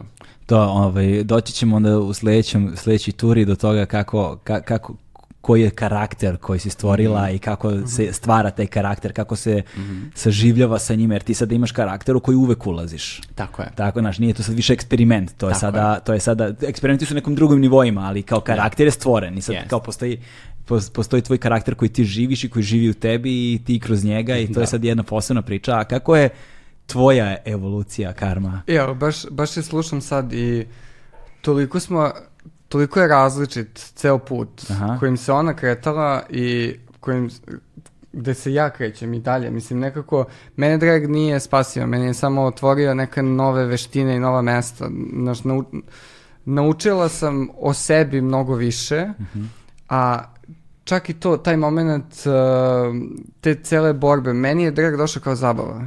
Znači, meni je došao kao nek, neki jedno lagodno mesto da ja istražim sebe i opet da naučim uh, sve te neke tehnike, znaš, kao, mene užasno zanima lip sync. Mislim, to je jedna ona veština koja, ja mislim da je toliko precenjena onako u uh, performativnoj umetnosti i onda me je nekako, drugačiji su nam, onako, drugačiji drive postoji kod mene. Znači, meni je to bilo kao, odgledao sam epizodu Drag Race-a i samo smo, moj bivši dečko i ja upali u celu priču. I to je bilo snalaženje, upoznaj se sa ljudima, upoznaj gde, gde da se krećeš, uh, ko su dobri ljudi, ko su loši ljudi, šta mi želimo da postanemo. Mislim, to je bila ludnica zato što smo mi došli sa verovatno će ovo malo, da kažemo, starija generacija sad da me sačeka s ovim, ali mi smo došli sa nekim novim pristupom u dragu. Da. Mi smo malo pomešali i drag race, malo pomešali neki lokalni moment i onda smo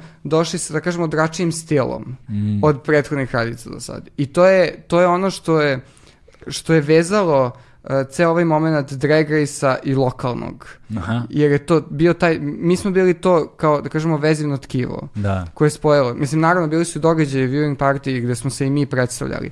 Ali polako smo krenuli da se stilizujemo na neki način koji je bio povezan i sa drag race-om, a opet na neki naš autentičan moment. A reci mi, uh, uh, uh, koja je to onda sada ta generacijska razlika? Nekako, ajde, prob, približite mi to. Šta znači ta generacijska razlika? Šta je to novo što ste vi donele na drag scenu, čega do tad nije bilo? Pazi, Dita je recimo u nekoj mojoj viziji starija generacija. Aha, aha, aha, okej. Znaš, ona Ti si je- krenula pre. O- Ja, ja sam krenula pre, a ja sam došla u stariju generaciju, Jesi i, i ali bila sam, si... ali sam donela nešto novo. Ne, ne, ne, ljubavi, ljubavi, jasno, Da ni- si to. nisam, ne, u, nije ovo bio moment u kojem ću ja da diskreditujem ovaj, ovaj ceo tvoj rad, nego ide taj jedan moment u kojem uh, se mi pojavljujemo sa, kažemo, nekim am, amerikanizovanim momentom. Aha. Jer ja zaista drag lokalno ništa. Znaš, kao, ne, nemam pojma ko su ti ljudi, ne znam, ne znam ni da to postoji, ne znam ko je Sonja Sajzor, ne znam ko je Dita otvorimo. ono. E, hvala ti. Gledam ga neko vreme i kao, jel, u nekom trenutku Zaboravljam, ću... zaboravljam na nokte, zaboravljam na nokte. Izvini, hteo sam, hteo sam da, da bude izazov, uh, da, da upadnem u to, kao. Nemoj, nemoj. Ali ne. Molim te. Ovaj, Treba tako da da, ostaneš elegantni. da, do kraja. Da. Nokti su- Vidjet ćemo do ove temperature. Nokti su, nokti su zapravo naše oružje da druge ljude pretvorimo u svoje asistente. Aha, aha. Je, sećam se kad smo bili u Sarajevu i kao ja imam crne nokte. I kao u javnosti smo, i kao svi smo morali da mi otvaraju vrata gde god da ulazim. Dobro, to je inače malo i dita karakteristika. Kao ako smo- naleti na nekoga ko može da, da ju služi kao rob, Da, ali Tamo ove, smo. ali mi smo sve živjeli fantaziju skroz, mi smo išli na neki, e, neku radijsku emisiju, sećaš se? Da, I ja sam fully bila spremljena za tu emisiju, kao da se snima uživo. Znači, ono kao, na radiju smo, niko nas ne vidi, ali kao ja moram živim svoju fantaziju. da, da, ona je imala ceo svoj moment tamo. I, a vidiš, a to je, to je recimo jako zanimljivo, što tebi dolazi recimo inspiracija Madonna, dolazi Britney Spears. Meni su mjau mačkice. Mislim, kao, ja sam gledao anime, kao, gledam anime ceo svoj život i samo ide taj moment u kojem ja se poistovećujem sa anime, kao, mislim, likovima koji Da. postoje. Ali ne skrećeš u cosplay. Ne, ne, ne, ne, ne, ne, pazi, uh, moj, da kažemo, prvi moment drag, transformacije ili nešto blizu uh, je tako, eto, ja slučajno upadnem u maminu tuniku, Mhm. slučajno se zadesi da su tu i njene cipele i tu je ono, A zar peške. nije, ali čekaj, zar nije to faza koju smo svi negde prolazili? Pas. Evo, Marko, E. gledam u tebe. Mada i za moja sad... ima nogice, on sve super, znaš. Kraljica Markić. Markić ima futbalerske listove, I vidite. pritom ima svetlu bradu i ove, kako se treba više da ih eksponiraš. Da. Ove, Razmišljao sam da im stavim Da. tu po mikrofon jedan i da mogu da se bacaju s vremena na vreme, da. Ovaj, one su ono kao muvice koja tako vleće pored, jako su slatke. ali, ove, ali da, on je onako svetao skroz, tako da smo mi to dobro zloupotrebili u, u dragu. Ellen. Da. Ellen. Uh, čekaj sad, kao da ja... Dakle, tvoja, tvoja, tvoja prva, tvoj prvi Da, je moment. baš bilo potpuno... A, da, pitao si da li je to moment koji smo svi prošli, ne znam. Mhm. Jer uh, kod mene je došlo isključivo iz te želje za transformaciju. Da. Za ideju da, da budem neko drugi. Pogotovo da budem neko ko mene inspiriše, neko na koga se ja ugledam, neko koga gledam. A to su, mislim, ajde, mjau mačkice, bilo je i drugih ono momenta, tipa 2004. Eurovizija, Ruslana. Stavim Ime mi je, znaš, ja, sam- sad mi je strašno teško da dozovem ono u sećanje Ruslanu, Aha. ali znam ime, ali de, de- ah, Uh, setit ću se. Ajde. šta- šta- maybe, I'm crazy. Uh, tad je Željko Joksimović sa čim, sa kojom pesmom? A, Lane moje. Lane moje, da. Da, da, da. da, On On bio drugo drugo mesto. Druga- bila druga- prva, da, druga- treći su bili Grci, a, Da. i četvrti su bili Drugari sa Dorčela su imali majice lajne mojne. I? Ideja. Uh, uh, Biš. to je recimo bilo uh, jedno od, da kažemo, momenta kada sam ja htela da budem Mhm. ženska figura. Jer je Ruslana bila ženska figura. To je ona Amazonka je bila. Amazonka, brđanka kod nas. Znaš, taj moment. Je- jedan I to je, to je mene inspirisalo. Mislim, ako sad pogledamo i ako uđemo u ovu temu šta su sve inspiracije, mislim, kad pogledaš, ja sad mogu da ti dam razna imena pop zvezda, ali suština je bila moja mama. Jer moja mama je bila osoba koja je radila sve, koja je znala odgovore na sve, koja uvijek može da se posvetiš i da se okreneš kada ti je teško, gde možeš da pobegneš. To je bila osoba koja je meni bila rešenje za sve. I sad, ti kad razmisliš, zašto ti ne želiš da budeš ta osoba? Da. I nekako, onako, uh, prethodnim intervjuima, kad, kada su nas pitali šta je inspiracija, ja, ono, tu je Rijana, tu je me, antička meduza, tu su sad neka mesta, ono, besnih, jakih žena, ali činjenica je da je tu uvek bila osoba koja je, ono, konstantno bila uz mene i koja je bila osoba koja je uvek znala kako meni da pomogne. I to je osoba koja ja želim da budem, mislim, na kraju krajeva. I ako pričamo i o dragu, ako pričamo van draga. Pritom, ja u dragu jesam ta osoba. Ja sam osoba koju ćeš da čuješ konstantno da zovu backstage-u za razne sitnice. I meni to odgovara. Ja imam taj neki ono, roditelj sindrom u sebi koji podržavam do, do, do neke granice, ali mislim da, da su ta neka mesta uh, u, onako u celom ovom sad razvoju uh, bila potpuno nesvesna. Znaš, ti nekako razmišljaš o, o trenutnom, znaš, baviš se ono što je trenutno inspiracija, ono što je trenutno tebe inspirisalo da uradiš to i to, ali evo baš pred ovaj podcast ja sam sela i razmislila malo, malo dublje o tome i kao zaista jeste bila moja mama. Kao, mislim, osoba koja ono, kao, kao i svaka Da. žena u Srbiji. Znaš, radi, to je radnička klasa, radi na sve strane, dva posla i sad ti kad, kad si mali ti ne registruješ ta mesta, ti ne registruješ toliki trud koji neko uloži kao u tvoj život i generalno porodični život. I onda mi je čudno kad, kad ljudi kažu, znaš ono kao otac glava porodice, kad? Da. Gde? Znači, to je uvek, to uvek, za mene je uvek to bila mama, zato što je to bila osoba koja je uvek mogla svakome da, znaš, svako, o svakome je brinula, svakog, svakoga je negovala, znaš, uvek je bila tu za svakog člana porodice. Da. Jesi li stigla mami to da kažeš? Pa u drugim, da kažemo, u, u dru- drugačije upakovano. Da, Drugačije da. upakovano. Da. ali recimo, mislim, svakako ona dobija link ovog podcasta, zato što, zato što mama je malo skeptična oko cijele ove situacije, ona je prihvatila drag onako jako brzo, ali uh, uvek postoji taj strah šta će biti. Mislim, evo dite čist primjer različitih iskustava koji su se desili. Mm. Ja ih nemam, Da. ja sam dosta lagodnije prošla Da. u svim aspektima toga, ali uh, znaš, uvek je taj mini strah kao, ja, gde ideš, kod koga sad? Mm, Ko je taj galeb? da. Mislim, znaš, i onda je, to stoji uvek negde, tako I da onda se... sam me- je ja rekla i onda se žena još više iznervirala. Da stvar bude još gora. da stvar bude još gora, da. Da, tako da, da, to su neka mesta koja je onako sržna inspiracija. Znaš, ako- a konceptualna inspiracija je bukvalno sve. Sve što može da ti padne na pamet u trenutku dok sediš, jedeš, blejiš, pričaš s ljudima, Mm. uzme se kao koncept. I to je ono mene što je najdraže kad je drag u pitanju. Što ti možeš sve apsolutno da uzmeš i da transformišeš u, ne znam, da pošalješ neku poruku, da to bude neki politički moment, da to bude neki zabavni moment. Bukvalno sve ti je na raspolaganju. Da. ja sam, na primjer, uvijek, uvijek se setim ove situacije sa Bojaninom pesmom Bojane Von Trišić koja ti je bila gost isto. Pozdrav za Bojanicu. Pozdrav za Bojanicu. Bojanica nas toliko podržava i obožava. Da. Znači, to je nešto stvarno neverovatno. Možda ćemo i vidjeti negdje uskoro nešto događaju. No, Otko ne znam, znam, hint, hint. možda. Da, da. Ove, um, a, Bojanica je fantastična i meni njen album Daljine onako bio...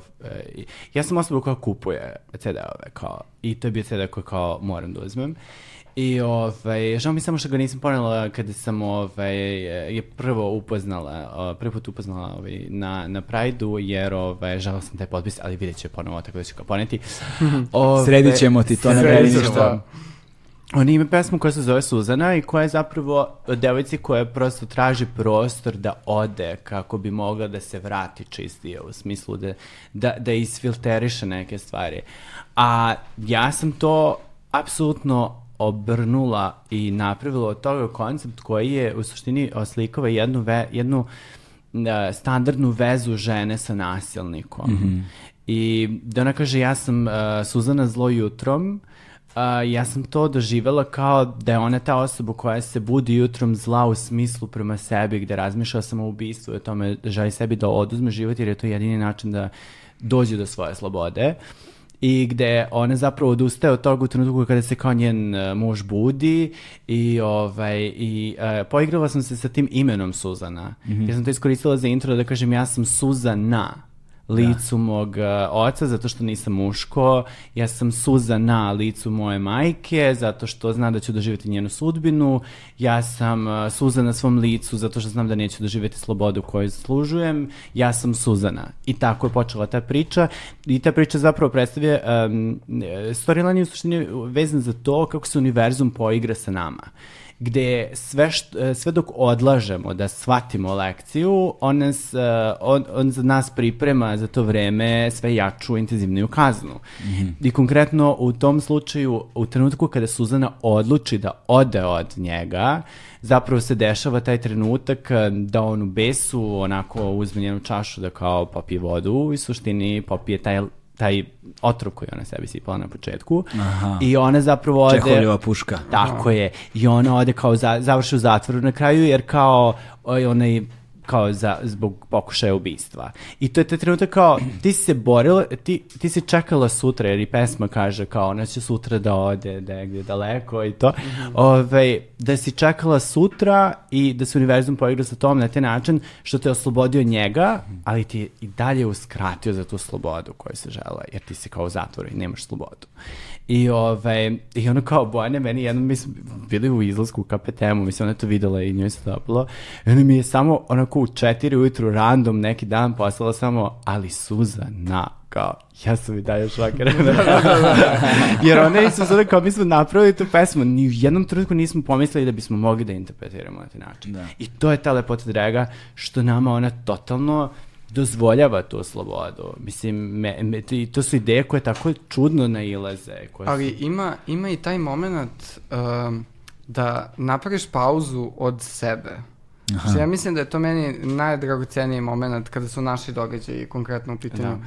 Jer ja imam svoje obaveze, svoje stresove, pritisak, znači na sve strane imam različite odgovornosti. Ali taj dan ja imam samo odgovornost da budem karma. Samo da budem karma i da i iznesem ono što ja želim na svoj način i da nekako izgradim karmu u tom obliku koji želim da je predstavim u tom trenutku.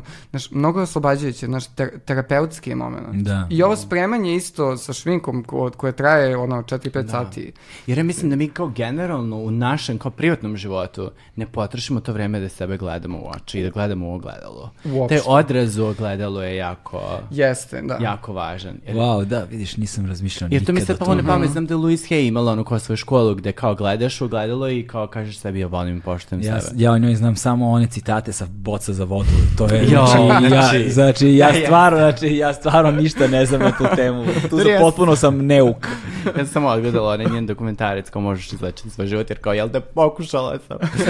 Ovaj, ali, ali da, ovaj, jako je važan taj moment jer kao mi Van Draga izbegavamo ogledalo otprilike. Mislim, bar ja lično kao ono, sam mislio za ono kao ne, ne, kao, samo- Karma se baš i ne slaže sa Pa tom. Da, iskreno. da, da, mi smo totalno... Imam ja šta da ponudim.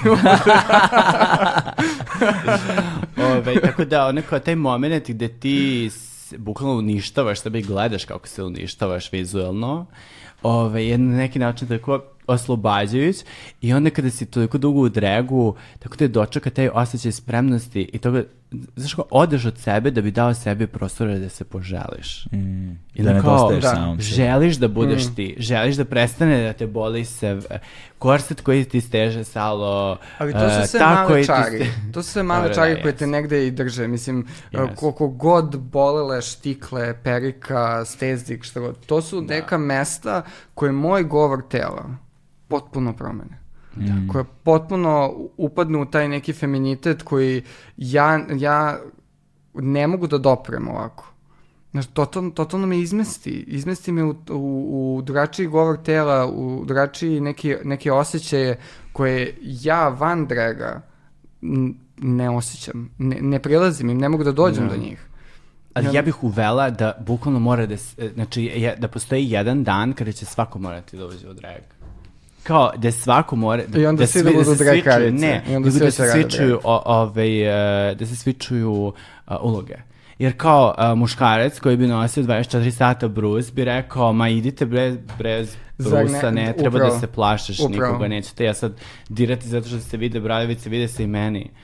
Da, da, da, da, da. dlakove, Da, znaš, da, da, vidiš, Da. to stvari imaju baš mnogo smisla. Sada mi se tu otvara jedan vrlo zanimljiv prostor, a to je prostor između uh, svakodnevice i drega. Taj prostor transformacije za vreme šminkanja, tih 4-5 sati transformacije. Tu se zapravo sad otvara jedna te- potpuno treća dimenzija o kojoj nisam isto razmišljao uopšte. Dakle, ok, imamo dimenziju svakodnevnu s kojom ste negde rođeni, identitete sa kojima ste odrastali, sudbine koje ste živeli i tako dalje.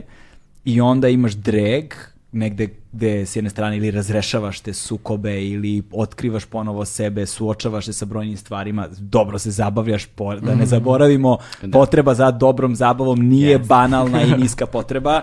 Strašno mi je uvek kad ljudi govore o elementima popularne kulture, o elementima zabave kao nečemu prizemnom, nečemu jeftinom, nečemu potreba za zabavom nije jeftina. Pa koliko puta su ljudi platili debelo kartu, otišli na neki koncert, ono, nula entertainmenta, Da. bez obzira na vrhunsko izveđenje i šta, zaspiš, jebi ga, nisi se proveo, brate. Važno je da, Dobro, da ti, nije da ti okej per... sad da komentarišemo na taj način Vojka V, mislim. Kao, Vojko V ima nastupe. realni. znaš, tako Da, Galebi, ja sam veliki fan ove. uh, Go, Gosan, Vojka Fau. A, dakle, ovaj, a, ali i, i kao, ok, mož, možemo da i govorimo o dregu, naravno, kao to nam je tema ovde danas, ali vidiš, nisam razmišljao o tom vremenskom periodu između dva izme, između ta dva sveta, taj period transformacije, kad, kad, ko je rekao od vas, vas da je bri, kada brišeš sebe, Da. Da, dite. Znaš, dite, znači brišeš sebe. To nisam, znaš, i, znači, odmah sam se setio Jo, de, senilan sam ono, znači, pamćenje mi je potpuno sumanuto, dakle, znam stvari i ne znam ništa, da. Um, spot jedan muzički ima gde zapravo gledamo proces unazad, gde vidimo kao ono u dregu, zapravo, žen, koje, koje ceo spot je iz kadra jednog u šminkernici, se- u slow motionu mislim da, da neke devojke trče oko kostimiraju se, što ti ja znam, a ona polako skida šminku i vraća se nazad u, u svoje svakodnevnice. Ceo spot je zapravo da li je Robin Williams ili tako nešto. da, To nije da. šizma Mislim dana. Moguće da I'm jeste, sorry, moguće da jeste, moguće da jeste, jel tako, a? Sa transformacijom. To Ja je ludilo obožavam i zapravo znaš- ceo spot je posvećen baš tom trenutku Jeste, između, da. Jeste. I, I znaš pozadinu iza te pesme. Ne, ne znam, On je, ne. razmi- on je zapravo dobio inspiraciju za tu pesmu, m, e, razgovara sa Guy Ritchijem i tad je bio moment kada se on zabavljao sa nekom glumicom ili nekenkom, tako neka scena je bila. I, ovaj, i u tom trenutku se pojavlja Madonna i kao oni se tu nešto jako dobro skontaju i on kao zapravo bira između te dve ribe, ali kao kako izabrati, to je pitanje. Da, da, da. I onda je Robbie Williams kao njega pitao fazonu kao, aj kao, kako si znao koju da izbereš? I on je rekao kao, I'm sorry baby, but she's Madonna. I ja, ovaj bis su ono kao, ja, kao, imam pesmu, ono kao, i bukvalno je ono napravio tu pesmu koja se zove zove She's Madonna. Tako da mi, e, e, morat ćemo posebnu temu muzike da otvorimo, ovaj, pošto vidim da, da, da je ne, tebi vrlo slično kao i meni muzika strahovito važna u životu. I, Jeste, da, i naročito ti behind the scenes momenti. Ja Pa- sam isto znao koja bi, osobu koja bi slušala demo snimke svih pesama, mogući, jer me zanima kako izgleda taj proces, od čega je krenuto i do čega je došla. Kao. Da, jesi fascinirana Taylor Swift možda? E, Ne toliko na Taylor Da. Swift, Meni je sad fascinantno što ponovo što snima radi sve jeste iste. ove Da. nove verzije i čak i mislim da je za red najavljeno čak oko 20 pesma, od kojih je jedna traje oko 10 i nešto minuta. Da. Jeste. Ne znam ništa. Da, da se ne da se da se da se da se vratimo na taj pro, na taj, dakle taj prostor između to bri, to, bri, to brisanje, brisanje, brisanje, brisanje sebe i a, ta, taj, ta, ta faza transformacije kada ostavljaš svoje ono mailove, posao, na šta god. Da. Se javljaš na telefon tada? Ne. Ne, ne, ne. Ne, ne, ne, nema kontakta.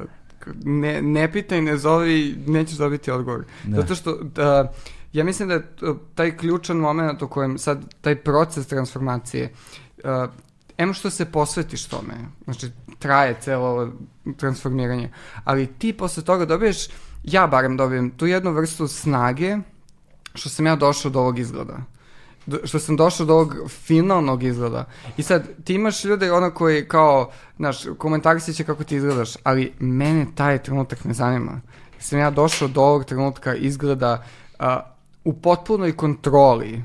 Hmm. Znaš, drugačije je kada ti ono u svojoj svakodnevici ono, nemaš kontrolu nad nekim stvarima. Nad brojnim stvarima. Na brojnim, da. Kontrolu, da. Ovde, nad svim, Mhm. nad svim, mislim. A znaš što mi je isto zanimljivo, to isto nisam znao, da vi zapravo ne znate kako ćete da izgledate do posljednjih 10 sekundi. Pazi, imamo mi viziju u glavi, to stoje, ali to, to nekad ne Jako ispadne. ovdje, da. Ovaj.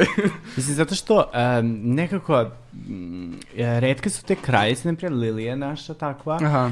Ona ima takav mag da izgleda kao da ga je stempovala, kao da je e, stavila nešto ispred sebe, ubacila glavu i kao to je oslikano na njoj.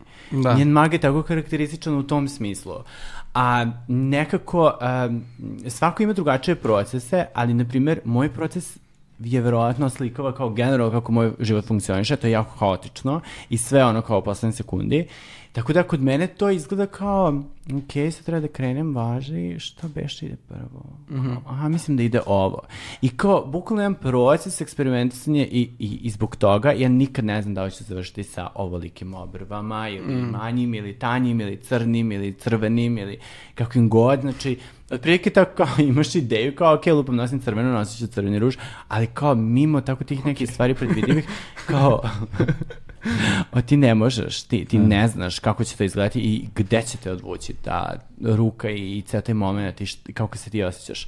Dosta je to, ono, kao kapiram, mislim, imaš gomilu slikara koji kao, ono, da im kažeš, ej, na, naslika mi sad ovo, on, oni to nekako uredi u svoj nekoj ličnoj interpretaciji, koja sadrži čitav jedan njihov mindset u tom trenutku, sadrži gomilu neke faktore koji utiču na tebe i zaista to jeste tako. Ove, Aj, pritom, mislim, ima i praktičan moment. Ja, recimo, s, kao, sredim periku, ali da bih ja video kako će to da izgleda uz moje lice, to zahteva da se ja prvo dregujem, pa tek onda to da testiram. Mm -hmm. I onda jednostavno, mislim, niko to neće raditi, mislim, pa, da. i onda dođe taj moment kada jednostavno sklapaš sve i zato, recimo, ja ne vidim uopšte svoju potpunu transformaciju dok se ne desi tih poslednjih 10 sekundi sklapanja svega. Znaš, sve ovo tako da. u fragmentima i onda ti sve fragmente hvataš i praviš tu jednu strukturu koju kao mm. si zamislila i onda hajmo sad da vidimo kako to zaista izgleda. Znaš, to je, to je zaista jedan proces i strpljenje koje... Ja, to je kao jedan put od Subotice do Niša. Mislim da, da o, na, na primjeru od prilike pokažem, to je tako Znači ti ideš, Dopada tebi se pokvarila klima, ti se znoješ, da, uvek, vruć. naravno, uvek je element onda, drama. ne znam, onda je, onda je autobus stao zato što se pokvario, onda neko popravlja gume, ti gubiš strpljenje. Neko se nije kupao. Ali, tako je. Ove, to si kada bi biti. Putovali sam dan šans. Ove, ali, uh, dešava se sve te procese, ali kao, ti na kraju stigneš na, na destinaciju i zanemariš sve te momente. I nekako kada stigneš imaš taj utisak, uf, čoče, stigao sam. Onako kao, jer, jer, jer ono, kao doživiš ceo taj road trip na taj način, ono, kao da je na kraju benefit ovog trenutka to što... Ja, to je i emocionalno isto, ono emotivno, ono, emotivno putovanje, istorijno ta transformacija. Jeste, i, i ka tamo i ka nazad, i od Subotice do Niša i od Niša do Subotice. Da, ali nazad je možda malo, ono... E, meni, e, Ja sam imala... Mo, nazad je možda malo onako... Hm, sad moram i ovo. Ali zna, e, meni se, na primjer, pošto ja često vozim bajs, kao ono, mislim, privatno ne ovako. Da? kao zamišljam me u roze biciklističke, mi kao zazine kosica u rep i kao ditica vozim bajs. Ovo je daleko od toga. Ali ove, pošto baš često vozim bajs, ja, na primjer, uh, kad imam određene lokacije koje prvi put istražujem, tu se dešava taj moment kao ukucam na mapi onda kao pratim pa se fokusiram na ulice pa na put pa ono imam utisak da mi za neki put od pola sata treba tipa sat vremena. Da. Ali kad se vraćam unazad, kao meni to sve poznato, ja znam te ulice, mm -hmm. ja znam taj put i kao mnogo brže nekako. Mm. Uvek je vraćanje mnogo brže od odlaska. Jeste, to, je, to si upravo. I, I ovde to je isto ta situacija. Kod mene je samo postoje taj jedan moment uh, da me drag iscrpi da me emotivno iscrpi. Do tih trenutaka da sam ja jako često u početku plakala u taksiju. Ali to nije ono kao plakanje u smislu vriskanja i drame, nego ono kao krenu mi samo suze. Jer to je takav jedan um, nekada čudan uh, um, set u kojem se nalaziš. Zato što, kako da objasnim, na primjer, um, mi smo privatno ono Sara Jessica Parker, ali smo kao u drag izdanju Carrie Bradshaw. I sad ono kao Carrie Bradshaw ima taj moment da kao, ok, ova scena nije valjala, super snimimo novu i kao, ok, sad malo odmori, sad ti kao odmoriš, ali i ona van toga nije Carrie, nego Sara, ali kao mi kada uđemo u karakter, mi smo sve vreme u tom karakteru. Mm. Ti moraš da prodaš iluziju. Tvoj zadatak je da prodaš iluziju. I ti prosto u svakom trenutku šta god te boli, e, mislim da se baš smeli bolu u mojim bubrezima, nešto skoro, ja sam bila su kao, mene su bubrezi jako boli, ja sam umirala, ali kao, to ništa nisam osjetila kad sam nastupala, jer od toga adrenalina to kao zaista nekako mm. zanemariš, to kao toliko, mislim, to igranje sa psihom je baš onako specifično, jer kao zanemariš sve te momente, I, I baš se radi o tome, znaš, kao tebi dođu ljudi, oni su ushićeni da te vide, ti znaš kolike utjece imaš na to, ti, mo, ti ti ne možeš da budeš tužna osoba, kao ti moraš da apsolutno imaš razumevanje za svakog, da prosto to je na neki način kao malo emotivna prostitucija, jer da. kao svako uzme delić tebe i ti na kraju se vraćaš sa tim da kao uh, ti osjećaš ljubav usmerenu ka nekoj imaginarnoj osobi. Zapravo, kao ti znaš da si ispod svega toga ti ti. Mm. I samo to saznanje nek, meni bilo u početku poražavajuće, jer kao ja osetim koliko je divno kada te ljudi vole.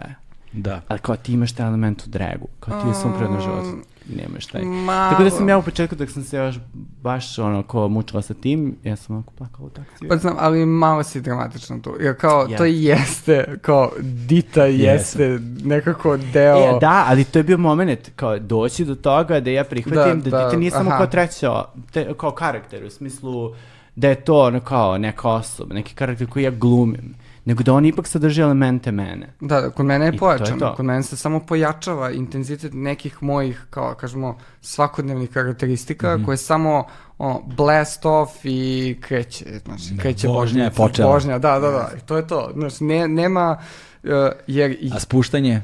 spuštanje... Ako, Ja jako volim da se postavim. Ozbiljno, naročito sa mosta na Adi kada silazim dole. Imali idemo smo ovaj razgovor. Šta smo se dogovorili? Dakle, postoji ovaj dogovor, Yes, ali je da, otišao ne, kroz ne, program. Ne, ali ja ne volim taj moment uh, Ne, ne. ne, dite. O, izlaska, ka, kada, kada ti potrošiš 5-6 sati, Mhm. sad, s, ceo, ceo taj događaj i kao i, i nastup i minglovanje sa ljudima, i sad ti treba da skineš sve to. Mm. I da se vratiš mailovima. Da, da. Ko bi? Z- Zašto? Ali je još gore situacija koja ja sam imala period kad sam radila fazon u fabrici. To je bili moji početci. Mislim, ja sam a, u jednom trenutku apsolutno ostala bez ikoga, bez ičega i bez finansijske podrške mojih roditelja. I kao to je bukvalno bio moment snalaženja. I ja u tom trenutku kao odlazim u studentsku zadrugu i kažem, ok, ja moram nešto da radim, kao ja moram da preživim. I oni mene pošalju u fabriku da kao pakujem slatkiš. I ja kao koja u tom trenutku mislim, posle par nedelje krećem da radim kao drag uopšte. I to je taj trenutak kao, ti dođeš, neki si kao vrište za tobom, umiru, ono kao fotkaju se, kao sve super, i kao ti si sutradan tu, i ono kao si ono kao, a vidi pedero, jebaću ti metro, i kao, ono iz fazona si kao na najhated mesto ikada. Da. Mislim, pritom u toj fabrici na kojoj imaš mo, ljude koji rade po 20-30 godina, kojima si ti ono kao poprilično nešto strano i ovaj, ceo taj mindset. Mislim, meni je prvog dana na tom poslu napisano na Normariću, uh, Pedro, ubićemo te, i kao to je tako stalo svaki dan, ono kao afirmacija, ono kao gledaš to. Bilo je heavy preživeti to. Ali, drag mi, ali zato je meni drag bio ovaj, spas. Ali samo da ne zaboravim da kažem, moment a, kada ja srećam svoju drugaricu iz srednje škole i sad mi kao možemo sada da se bavimo dragom, kao možemo da razgovaramo o tome. I ona meni kaže kao, wow, znaš šta sam ja sad upravo skontala? Rekao, šta? Kaže, ali ti si uvek kao, kao govorila o tome da želiš da izađeš u apartman i kao da ti je to jako važno E, da da, želiš to. apartman. Da. I ovaj, ja kao da, i ona meni kaže, da li si ti svesna da si ti postala apartman? I meni se tada otvori čitav jedan svet. U smislu, čitav jedna dimenzija, u smislu, ja sam želela samo da pripadam tom delu ljudi, a zapravo sam postala jedna od tih ljudi koje stvaraju to okruženje gde sam žela da egzistiram. I, I to je onaj moment koji, koji je baš bio onako spoznaja. Kao, wow. Jer, mislim, generalno, meni je u dragu najlepši taj moment gde ja postajem supportive system onim ljudima koji ga nemaju. A i, i to je onaj supportive system koji meni falio. Zato, na primjer, moji, m, pošto nikoga nisam imala u okruženju kao generalno koji je bio takav kao ja, um, i prosto moji roditelji su poprilično onako jako, mislim, strogi i patrihalni. Ove, e, ja sam morala da nađem inspiraciju u drugim ljudima. Kao ja sam morala da nađem inspiraciju u drugim ljudima, e, u nečem senzibilitetu koji je bio blizak meni, odatle dite zbog Madonine erotika ere, jer kao ta sloboda prema seksualnosti mene onako poprilično fascinirala u tom trenutku kada ja ne smem da budem slobodna po pitanju tih stvari. I Bill je došlo od Bill Kaulica iz Toka hotela, ne znam da li si čuo za taj band, nemački, ali ono kao oni su bili teenage senzacija, ono kao 2005. 6. godine. Ja znam za Tokyo hotel. Da, A Tokyo hotel si rekao, a, pa ne da znam, Bill upoznao Ka- sam ih. Stvarno, Da, mrzim te. 2000, 2010. godine. 2007. godine u Minhenu na dodali MTV nagrada, evropskih MTV Aha. nagrada, radio sam intervju sa njima. E, Oni su tada uh, radili ono Monsun. Tako da? je, tad Sa je. onom mon- kišom i sve. Da, da, da, Joj. Monsun, Monsun era Tokyo hotela. Izvini, nisam te razumio. To je zbog čega inače nosimo slušalice. Aha. Između ostalog, jedan od razloga. Da, da, da. da. Ovaj, ali da, oni su meni bile inspiracija, jer to je bio prvi... Imam negde na nekom starom laptopu, verovatno imam i snimak, mogu da ti pokažem. Ti moraš to da pronađeš. Da, da, Ti moraš, pored onog drugog snimka za koji smo se dogovorili, možeš da nađeš da. taj može, isto. može. Imam i treći snimak. O. kojem ćemo, koji ćemo, koji ćemo da pomenemo napravimo I koji ima veze sa Tokijom. Ali ne Tokyo hotelu, nego Aha. bukvalno Tokijom, ali to, doćemo do toga kad Doćemo do pričali o toga, Britney Spears. ali oni su ovaj, meni... ali oni su meni bili inspiracija, jer to je bio moment kada gledam i samo kreće uh, Dr. Monsoon pesma i on drži uh, s crnim noktima crnu sveću i kao ima make-up, uh, kao... No, Da, tad i je bio kao, crni wow. make-up je bio uh, trend. i- Tre- trend u to vreme, dobro, Tokyo Hotel su otišli malo korak dalje jer je to već bilo vreme i anime i ne znam Da, šta, da. i oni su vrlo strašno, i ime samo, oni koketirali su strahovito s Yes. tom estetikom, ali bili su i one grupa Him, jel tako? Yes, Bill Velo, da, svi su oni i furali sa crne nokte, tako, i bilo Bullet for my Valentine's. Tako, Bilo je, ba, da, baš tako je, Bullet for, my- for my Valentine, da bilo je veliki broj tih bendova koji su u mainstreamu Da, imali to je bila make-up. ona emo era. Tako ja sam emo, pripadala emo era. jeste. Ja sam imala te šiškice. Ja Da, sam da, da, klasične. imao, ja, kad se seti, o, ja mislim da se imao ekipa okupila u Bezistanu ovde negdje, tako nešto. Da, bili bilo. su kao ti meet-up momenti. Yes. Da, da, meetup momenti su Da. bili čoveče, to je MySpace era, je, tako, malo kasnije možda, tako Da. nešto. Tako. Ja sam njih videla 2010. godine kada su došli u Beogradsku Mm. arenu, tada sam tek na Humanoid Tour i meni to bio jedan fantastičan moment kada oni izlaze. Uh, ne smemo da zaboravimo, ja, Brian, uh, kako se zovu, ja, sad mi je stao mozak. A, u hali sportova su imali genijalan koncert, na Exitu im je bio dosta loš, ali... Sjetit ću se. Placebo, placebo, placebo, Brian Molko, pevač je, i to... Da, bože, kako se vidiš, moj mozak, sve mi je, ja, moje seć, moje pamćenje je uvek za malo. Znači, ja sam tu, ali ga fulam malo, ga fulam, fulam dovoljno da... Uvijek fali taj neki centimetar. Tako, tako, da, uvek fali taj neki centimetar prokleti. Ove, e, ali sad me zanima, um, uh, tvoj karakter, Dita, je sačinjena iz čega? Kako si ti otkrivala svoj, svoju, svoju Ditu, ono? Dita Ko je- Dita? Vidim da je pomalo flerti, vidim da je pomalo Jeste. drama, vidim da, Da, je, da. znaš, sa koji su to elementi, da. Sve ti vidiš. Ove, uh, Dita je u suštini ono kao uh, Madonna na početku, mislim koristila je Ditu kao alter ego za seks knjigu koju ja imam fazano kao fotografiju uramljenu u svojoj sobi. Ove, to je rekla sa Naomi Campbell i ne znam s kim još. Ove, I to je tada bilo nešto baš onako ekstremno važno. A, iako se feministkinje napale da je ona zapravo ono, kao ih vratila godinama unazad zbog toga što je kao nuditi taj moment kao izlaganje ženske figure kao bio nešto strašno. Ovaj, nego um, početak erotike, uh, ona kaže my name is Dita, I'll be your mistress tonight.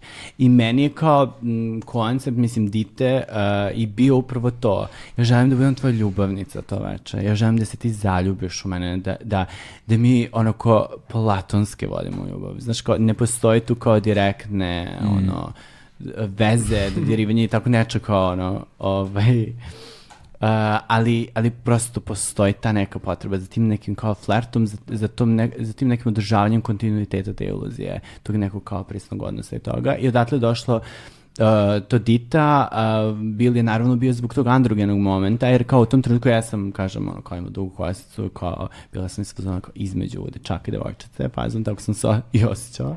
Drag mi je duše pomogao da se definišem više kao dečak, jer kao, Fazonu kao, taj feminitet ti nosiš u sebi, kao, to nije nešto što moraš eksterno obavezno da iskažeš.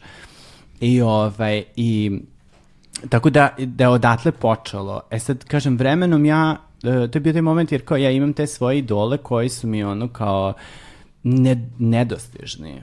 I ja, meni je super da ja stvaram iluzije i fantazije o njima i da to pozitivno utiče na mene, ali ja vremenom kapiram da kao postoje drugi koji mene vide kao neku vrsta ono, kao idola u tom smislu kao wow, ti radiš ovo, ti radiš to super, ti se, ti se trudiš mi, jako mi je važno to što radiš i u tom smislu kada ja shvatim da postavljam da, da, ovaj, da postajem kao role model negde na neki način za te ljude koji dolaze, onda ozbiljnije shvatam ovaj, taj zadatak i onda to dobi, dobije neku malo ozbiljniju notu.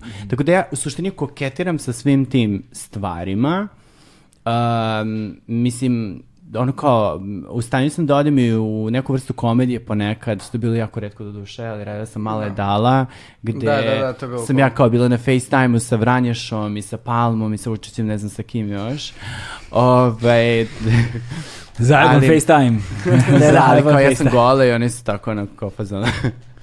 Ove, prosto, koketiram sa svim tim stvarima, jer kao mm, ni, taj karakter više, kao, nije, nije jednoličan, ne ide samo u jednom pravcu, nego prosto, ja, ja kažem, ja ni ne znam gde će on završiti, jer on se ni ne završava nigde. Mm. On nema svoj kraj. On ima svoj početak, ali nema svoj kraj. Mm, prosto što god da me inspiriše, usmerim ga samo ka tom smeru. Da. Ovaj, ali, mm. mislim, ono, kapiram da, da je poznato to da sam u suštini ovaj, mislim, kao ta queen koja ono kao želi da je jako energičan, onako agresivan klubski da. nastup, sa druge strane želi da pošalje neku jako emotivnu ili jako, ovaj, jako emotivnu ili jako uh, ne znam, važnu poruku mm. o bilo koje temi ko, koja me Eto, ljudima razlika između večnog i beskonačnog. Uh, večno uh, nema početak ni kraj, da. beskonačno ima početak, ali nema kraj. Uh, I onda je to večita potreba za transformacijom, za putovanjem, za stvaranjem nekakvog ideala, za... Da.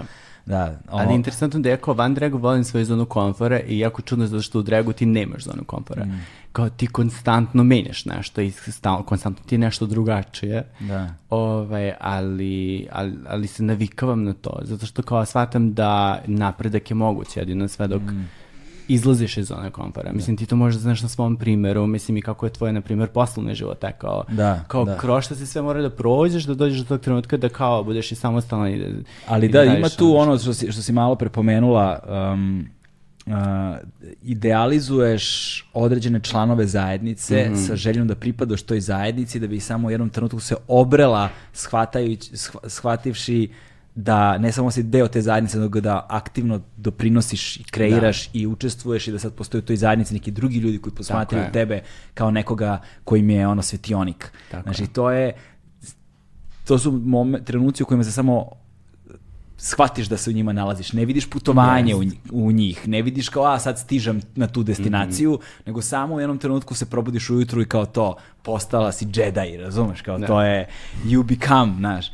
I, ovaj, a, i meni, meni se to negde desilo, dešava mi se, imam te aha momente, kao kad mm -hmm. ti mhm. pukne ta neka sitna istina pred očima, ono pola koraka na pola gutlja kafe, samo, samo jednom shvatiš, mm -hmm. kao jebote, pa ja se nalazim tu, kao kad, kad, kad sam došao ovde, kako sam se obreo ovde, a, i da da neki ljudi sa kojima sa, koji, koji su meni bili negde nedostižni, učestvovali u, u, u, u fazama razvoja svim ono mogućim i kao kad sam bio izgubljen, dekomponovan potpuno, kad nisam znao ko sam, šta sam, nisam znao, de, de, kad mi kompas bio razmagnetisan, kad su najjednostavnije odluke bile pot, nemoguće. Mm -hmm. ovaj, onda su ti neki ljudi stajali kao svetionici ko je ono, da li je njihova muzika, da li je film, da li, ali uvek je nek, iz nekog domena kulture, da li je neki pisac, da li je spisateljica neka, nije važno, znači su uvek bili tu kao kakav si čovjek ujutru, kakav, kakav si čovjek uveče, takav će čovjek biti u toku dana. Znači, to je nešto što se meni vrlo često dešavalo u životu i to mi se dešavalo do ono poznog perioda, do 35. Mm. Znaš, sigurno. Ovaj, I onda to, je, to su bili jedina, jedine tačke bekstva koje su bile sigurne. Ono, naš sednim, pustim neki film za koje je dobar ili ne znam ti šta. I kao to, trenutko do kraja ne postoji ništa drugo. Mm -hmm. I tada se fokusiram ili mi on šalje neku poruku kroz koju nešto mogu da shvatim i da razumem. Ali mi je isto zanimljivo ovaj, da u tražnju karaktera a, sam primetio posebno kod tebe, postoji ta jedna antropomorfnost, postoji mm -hmm. ono da više to nisu samo likovi kad govorimo o ljudskom obliku. A to da. sada postaje životinja, to sada postaje naš da. to sad postaje svašta nešto, neke nove dimenzije koje, znaš, izlazimo sad iz ovog, iz, iz ovog mo, kao običnog ljudskog momenta. da, da, ali to, to ono što sam malo pre rekla, uh, sve je opcija. Ne. Sve, bukvalno, uh, ne znam, to, toliko je, toliko je uh, drag otvoren onako konceptualna umetnost da ti možeš da iskoristiš svaki moment da. za, za bilo šta. I ono što ja volim da radim jeste da tako miksujem različite neke onako pop uh, reference sa nekim onako, da kažemo, onako antičkim momentima. Recimo, Meduza, mislim da sam smorila ljude s ovim, ali uh, Meduza kao jedan, uh, antička Meduza kao jedan koncept onako jedne besne žene koja, koju uporno gledamo kao čudovište, a u mojoj glavi ona ima moć. Mislim, ona ima moć, ona- bukvalno tebe zacementira. I kao, to je to. Pogledom. Pogledom. Sa- samo je to dovoljno i recimo moj nastup za to je pošto većina u stvari mojih nastupa dolazi iz mog emotivnog stanja u tom trenutku, Mhm. a, to ili, ili nemam dovoljno više onako, ideje i živaca za, za neki nastup i onda ih nekako miksujem, ali uh, Meduza je recimo došla u, u jednom periodu kada sa tadašnjim dečkom nisam uspela da nađem zajednički emotivni jezik, uh, jer smo bili raz, potpuno na drugačijim emotivnim mestima i Antička meduza uh, je tu savršeno išla uz ulogu uh, Madonine pesme Frozen, uh, sad referenca, kako ide ona njen deo, uh, You're frozen when your heart's not open, što je legitimno bio naš problem Da, u taj vezi. spot, ja mislim, možda grešim dušu, ali taj spot je radio Chris Cunningham. Yes. To je ludilo spotčina, da, to je spot ludilo. je fenomenalan. Fenomen. I, Chris Cunningham je radio ni za Apex Twina i za ono Square I ne Pusher znam da li to. on je radio The Power of Goodbye. Jer se provlači Bjork isti taj... je radio, radio je Bjork uh, i mislim da je radio samo ovaj, mislim da je samo jedan spot. Da. Zato što The Power of Goodbye je u suštini negde kao nastavak na Frozen sa Mm. tom pričom kao Your heart is not open so I Mhm. must go. Uh, there's no greater power than the power of goodbye. I uh, spot je u toj noti isto. Mm. Onako u, u tog pl- plavila i tog nekako mračnog Malo je to i vreme momenta. digibeta kad su svi spotovi bili plavi, znaš, ali dobro, to je, to je, to je druga, ali to je, dru, ali to je druga stvar, šalim se. To je, mislim, rađeno na filmskoj traci, nisu oni sebi dozvoljavali digibete. Uh, i, izvini, molim te, nastavi. Uh, čekaj Go, govor, govorili smo o toj A, meduzi, o toj moći, o... Da, da, i ide taj moment uh, da ja iz jednog koncepta potpuno ono emotivnog stanja prelazim u, u sledeću emociju koju osjećam, a to je bio bes Mm. i svega. I to je bila sevdaliza Mad Woman.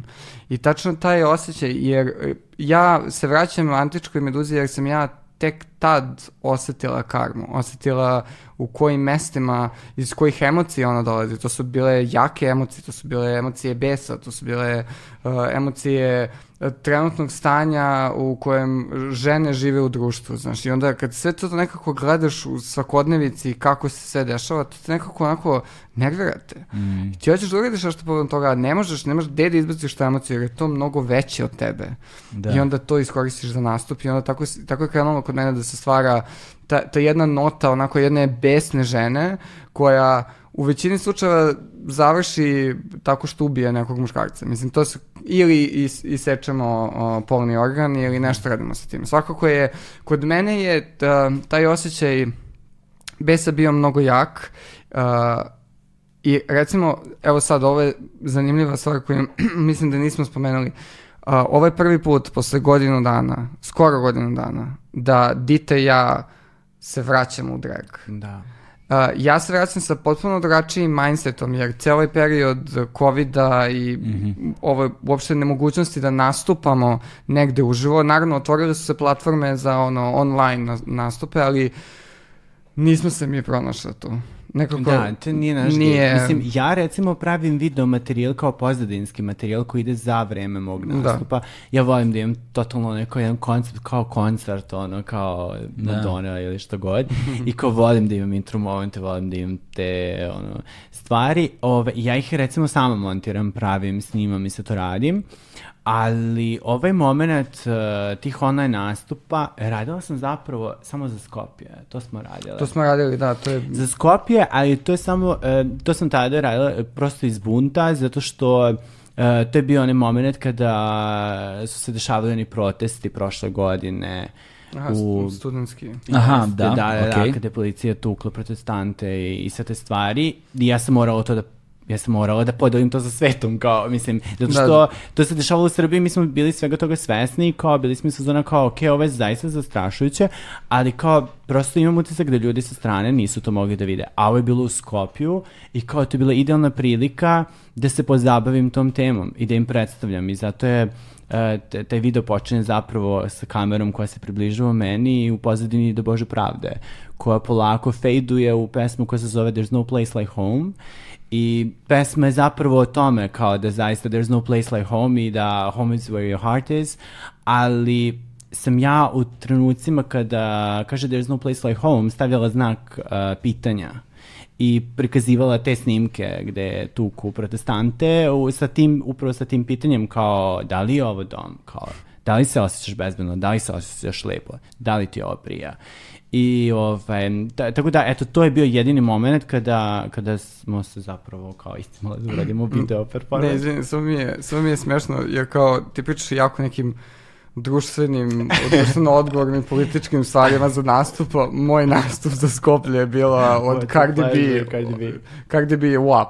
Da, ali, ja E, kao tamo... Ali vidiš, zbog tih stvari ne postoji rivalitet kod nas na sceni, jer kao, mi smo svi u nekom svom tripu i kao, Da. svi radimo Da, da, nešto da. drugačije. E, ali to mi je, ali to mi je sjajno, zato, va, zato vas dve i činite jedan dobar spoj, zato što u bilo kojem drugom slučaju a, jedna osoba, a, jedna od vas be, dve bi onda ostavila taj jedan jedinstveni utisak je. koji bi se onda preslikao na sliku možda brojnih ljudi koji razmišljaju u kontekstu drega posle samo na taj način. Da, da, da. Znaš, Da. sad, znaš, da li je to, ne znam, nekakva traumatična prošlost iz koje se izvlači i crpi nekakve inspiracije, rešavaju nekakvi duboki problemi, nešto što je meni vrlo blisko i nešto što ja u velikoj meri između ostalog radim i ovde, ono, produžavam na neki, kao produžena ruka terapije između ostalog, pored svih potreba da ovaj, govorimo o stvarima koje su nestale iz, iz javnog prostora, znaš, dok s druge strane ti imaš tu dozu i entertainmenta i emocionalnosti i onoga što, gde, gde vučeš tu snagu iz nečeg drugog. I onda kada se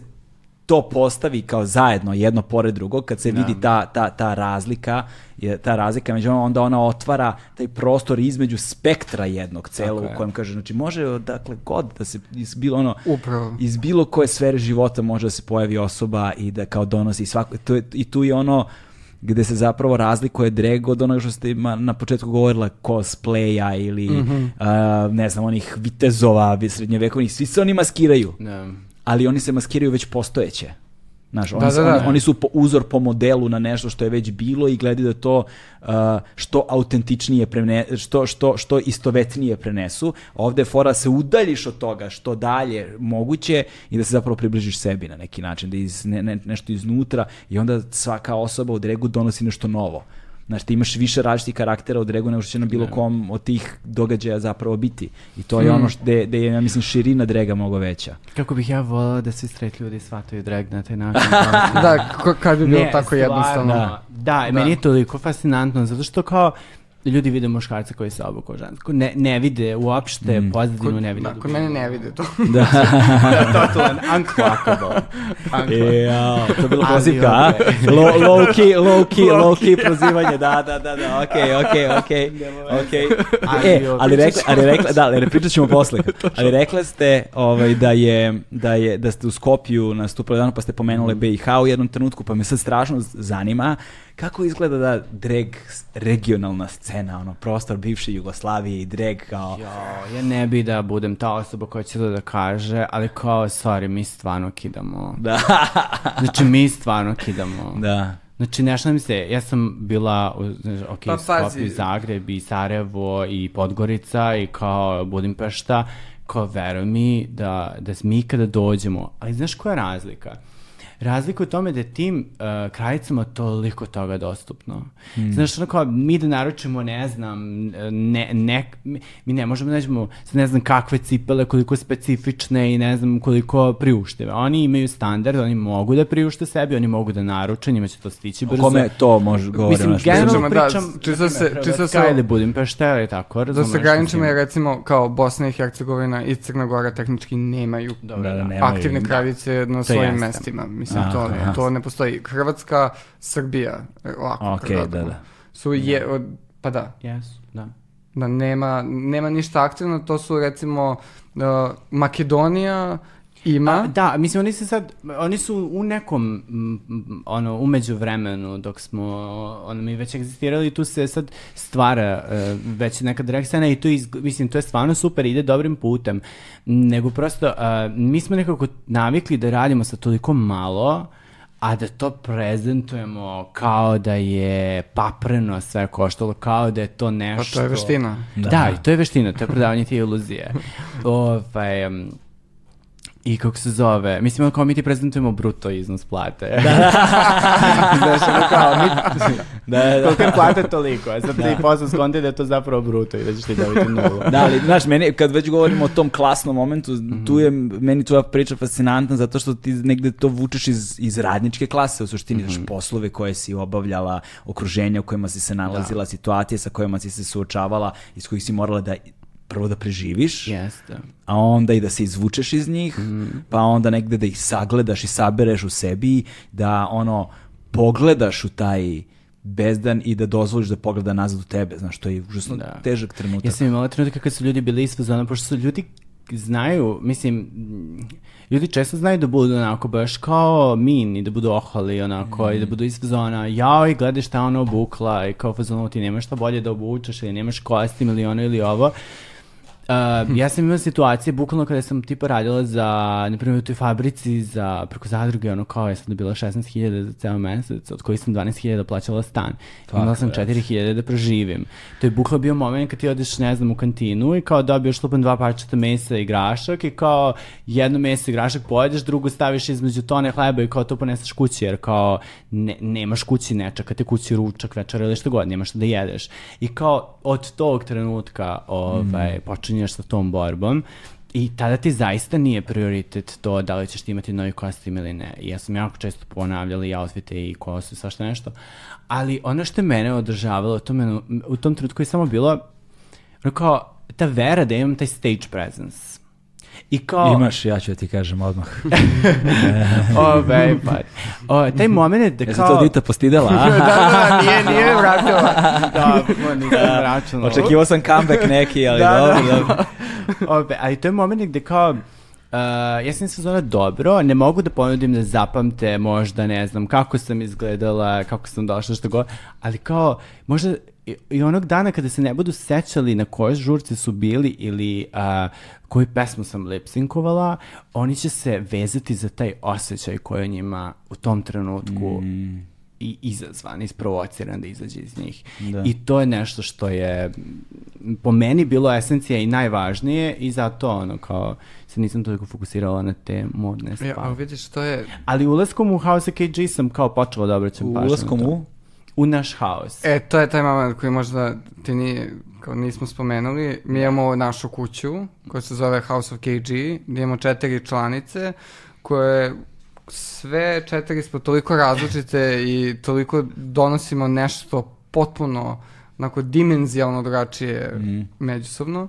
Um, u stvari, Golden Orb i ja smo to započeli davne 2017. Da, Da, to je bilo kao ideja, ono, duo, uh, da, kao drag duo je tad postojao, Dita je bila, kako se kaže, samostalna umetnica u tom trenutku. Mislim ona i dalje, ali samo je...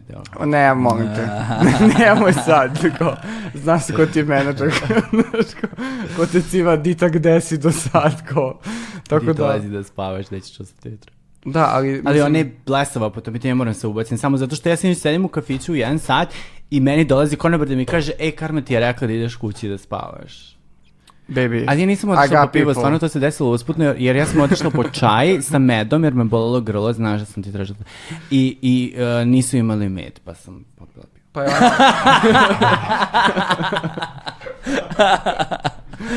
Dobar Da. izgovor. da, da, sezi, da, to je bilo Sinoć. sinoć. Da.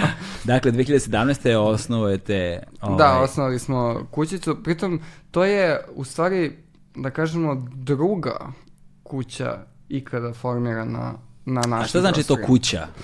Kuća kao, uh, kao kolektiv. Mhm, ok. Kao, kao, da kažemo, ono, ud- udruženje. Sad, ajde što je kolektiv, ovako kad pričamo onako uh, privatno, ali uh, House of KG je ja mislim, jedna ono, vodeća drag platforma trenutno za drag umetnost uh, u Beogradu slash Novom Sadu, možda za par godina u Nišu. Znaš kao, Da, da. I dalje, i dalje onako ispipavamo teren gde možemo. Uh, zato što mi, mi smo nekako, to, to je ono što što drag više nije postao uh, neka atrakcija, nek, neki dodatak nekog već, već događaja.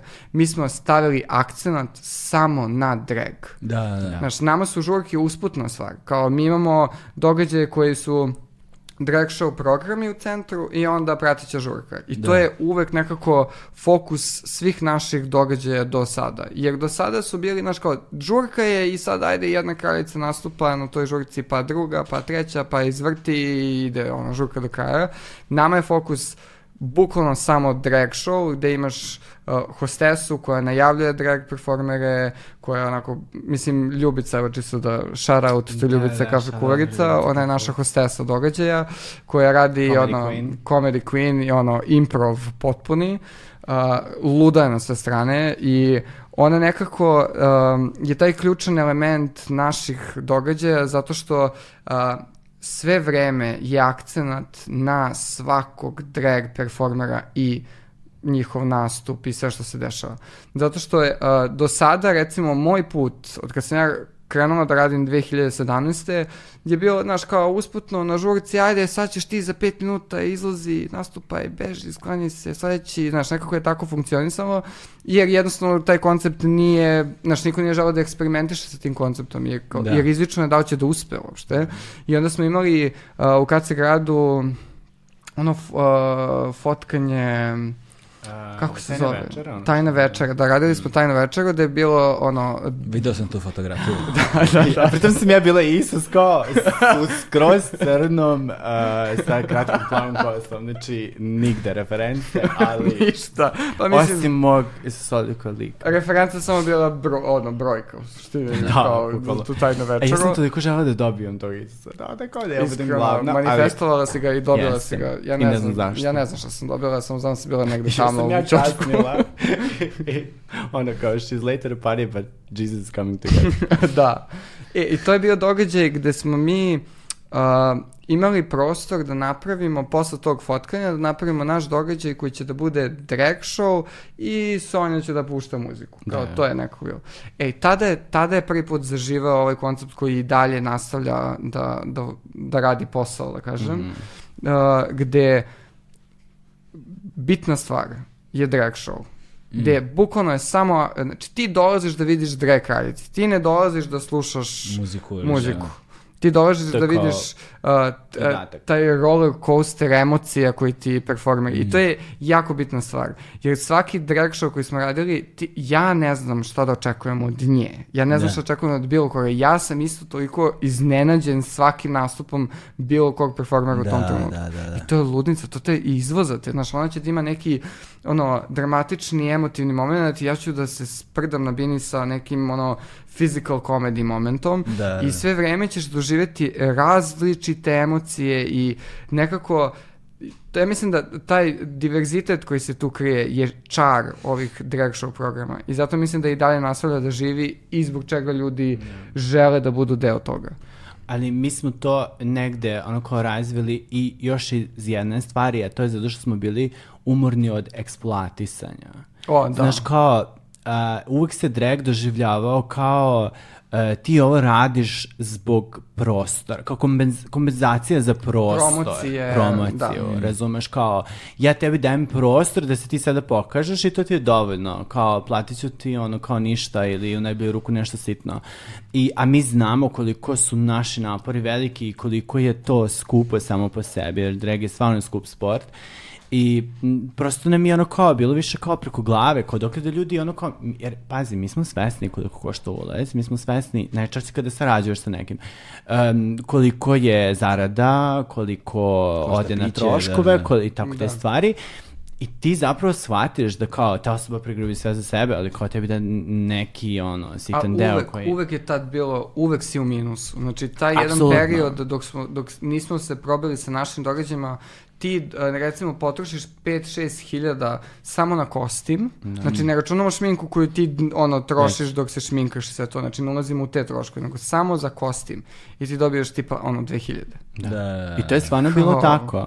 A mi smo danas u toj poziciji da kao konkretan prihod koji se desi prosto podelimo na nas koji smo učestvovali. Da. I to je nešto što je stvarno fantastično i, i to je, jer, jer to je ono što mm, uh, okreće, ono, taj, koji, što pravi taj obrt, što nama dozvoljava da možemo da uložimo u neki kostim, da možemo da uložimo u nešto novo, u neku bolju šminku i tako neke stvari. Znači mi vrtimo sada tu mašinu. Da, i, znaš, i, da, i, i, i, bi- i nadam se da će ono, da se rasprostrani drag kao kultura ono, na, na, na šire planove, zato što mislim da ste idealne ovaj, za make-up proizvode za sponzorstva. i Pazi, polako se, polako se dešava... Mislim, a, čoveče, ako ja da imam svoje, ono, naš, make-up linije neke, to... Pa, to evo, niš neka čuje tamo. Pazi, bi- a, bilo je a, par nekih saradnji koje su imale određene uslove. Da, Znaš, I onda već ti određeni uslovi... uslovi već mi se ne dopada. Da, da, razumeš. I onda, naravno, mi smo odbijali sve te saradnje i planiramo dok ne budu, ono, da kažemo, prikladne. Mi kad god smo želeli, sad ne želim da pomenjem nikakve firme i to, ovaj, kad god smo želeli da, da, da u, u, ubacimo drag u ovaj, kontekst nečega što Aha. smo radili, mi smo uvek to na prezentacijama, na pičevima koristili kao extreme make-up, kao, znaš, da se onda vidi, Aha. pa će onda oni, o, kao extreme make-up, evo vam sve što vam treba, znaš. Pa to je bre skup, čovječ, mislim, ja do, tog, da, do takvih trenutaka nisam znao, bre, ta šminka je skupa, kod Jeste. đavo i po košta. Jeste. Jer ti kao redovan... smeješ, brate, znaš Ne, koliko ne, košta neka dobra maskara, brate. Ali bukvalno, na primjer, ti random puder koji kao koriste devojke, ono, i, odnosno drugi biološke žene osim nas, Ove, em, ti možda nađeš kao puder za 500 dinara. Da. Ali, ono kao, tipa puder koji mi koristimo, tako je, sakriti, ono, otprilike, sakriti uh, uh, uh, lice, ono, kao, otprilike, kožu i traume iz detinjstva, ono, kao, to, To, već to. košta, Da. ono, 3000. Da, da. I Da. to Pritom je ti, ima, pritom ti imaš uh, impres, uh, u svakodnevnom životu impresivnu bradu. E, da, ja, e, to je krenulo od toga, kao volim jako bradunje, kao if you can get one, become one. Da, da, da. to je krenulo sa tim, ali da, mislim, ja jako, vo, e, mislim, ja i dosta uživam u tome što moj privatan život u potpunosti drugačiji. Ono. I meni zato prijao čitav vibe Subotice. Jer kao, nikada nisam u epicentru tih dešavanja ovde. Nego kao, imam svoj mir i kao, totalno sam izuštrena od svega toga.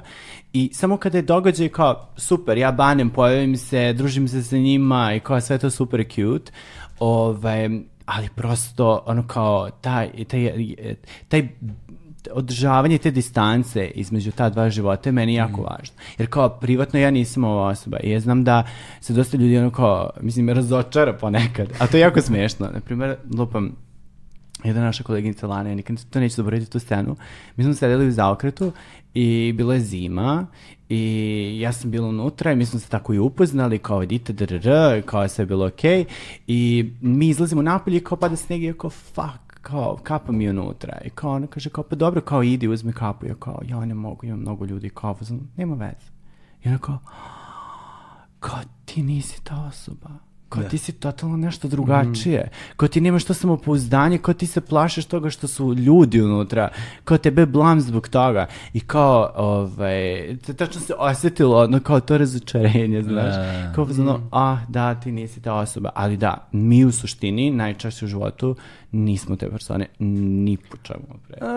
Zavisi, da. Ja, jesam. Ali, ali dobro da. Ja, ja. Karma ima nešto da kaže. Da, ne, Pa, on ja razumem, ja razumem jer uh, drag jeste neka vrsta ono uh, oklopa. Jeste. Znaš, koji, koji te štiti, ti si uh, po- potpuno zaštićena od raznih okolnosti, ali kod mene se samo pojačava taj intenzitet i generalno to ono što, što zaboravili da kažem, uh, ovaj sad ceo period dok nismo radili je bio period kada sam ja isključivo radila na sebi, na, na, na svom van drag ono, osobi. I onda me sad zanima kako će da se razvija karma u odnosu na sve ove promene koje su bile. Jer meni je bio bes koji je dolazio iz moje svakodnevice na, na različite društvene okolnosti. Sad ne osjećam bes. Sad osjećam ono, ono, prostor u glavi postoji, ono, da postoji neki mir. I onda me zanima kako će sada da se razvija. Jer ovo je skoro godinu dana od kad ja i Dita nismo ušle Da. u drag. Ali meni je to tako prijelo. Meni- ja ne mogu da se je- žalim, ne mogu da da. se žalim, Meni bilo je baš, prostora za baš odmor. prijelo, jer to kao kada je krenulo, bilo je isto kao, a fuck, kao s financijske strane je prijao taj impuls. Mhm. Um, I bilo je zabavno, jer to je kao bio jedini način da se mi vidimo. Da. Jer kao, mislim, ono, ja nisam u Beogradu i na tim eventovima se viđamo, kao, jer redke su situacije kad kao samo dođem. I umeđu vremenu, ovaj, ja otkrijem tu ljubav, uh, ono, vožnja bajsom i kao Da. uživanje, istraživanje i sve to. I krenem sa celom tom pričom, onako, odjednom ono kao, ne, ne, ne zanima me da gledam haljine i te stvari, nego kao kupujem sportsku garderobu, ono, biciklističke, Da, da možeš trošiš na sa sunđerima, da. I to mi je kao skroz prijelo i kao pribavljam stvari koje mi trebaju i umeđu vremenu se desio taj prelazak za Beograd i ovaj, i, I evo na sad. i bukvalno, ali ona na primjer zna, Tako je meni došlo u Beograd, tako je. evo. Je Da, tako je sve krenulo. Znači, ja njoj kažem, mislim, uh, ja, koja sam iz fazona kao uredim, znači, drag kao mogu da podnesem jednom, dva puta mesečno. Kao, to mi je, to mi je ono kao doze, kao, ajde, okej. Kao Čekaj, aj, istima. možeš samo sad da spomeneš u toku ove nedelje koliko puta ćeš ući u drag. Danas je pon... Mislim, danas snimamo kod tebe ovaj podcast. Znači, Da. tu sam odreagovao. Danas je koji dan znam? Ponedeljak? Danas je ponedeljak. da. Ja nemam pojma. Meni si A, dan isti. U utorak a, imamo fotkanje za čini mi se Bonabio magazin. Da. Da. Imamo fotkanje, intervju, tako da ćemo se dragovati za to. U sredu imam nastup u kad se gradu u okviru Pride Month-a i kao dragoću se za to. U četvrtak idem prvi put nakon godinu i po dana u firmu na posao, nakon godišnjeg odmora od dve i po nedelje, što je takođe jedna vrsta dragovanja, jer kao ne mogu da idem u uh, body mantilu ili ono kao u gaćama. Uh, I onda u petak imam žurku u Novom Sadu, nastup. Tako da kao, ja samo za ovu nedelju u fazon imam pet dragonja, što ja ne znam kako će da završi.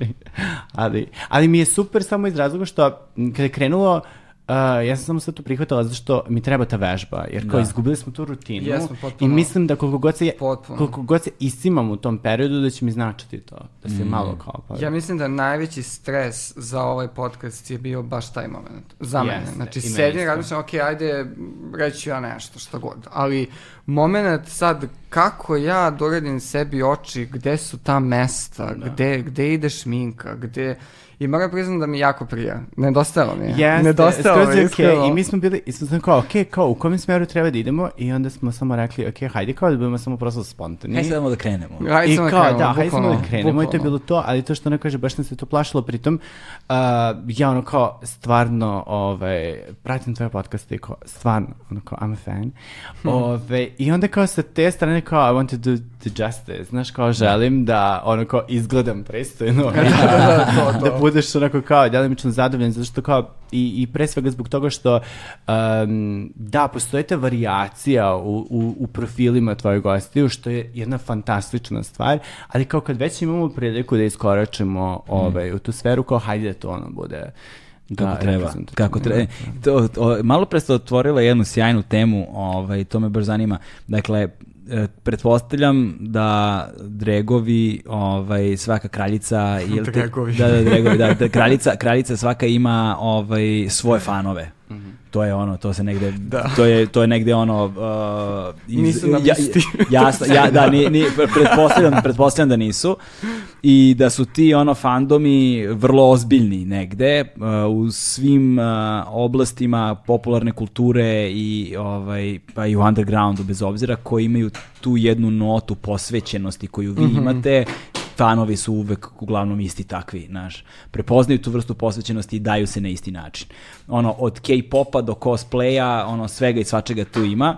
Ovaj, I to su die hard fanovi i pretpostavljam da su i die hard fanovi ovaj, unutar, ove, unutar ove kulture takođe. E sada, ono što mene zanima da li vaši fanovi znaju ko ste vi van ovoga? A, Znaš, I da li imate tu privilegiju života u anonimnosti ovaj, kada niste... Uh, ja da, jer uh, kod mene postoji jako velika razlika ja van draga i ja u dragu. Bukvalno se lice totalno... rekla da kao.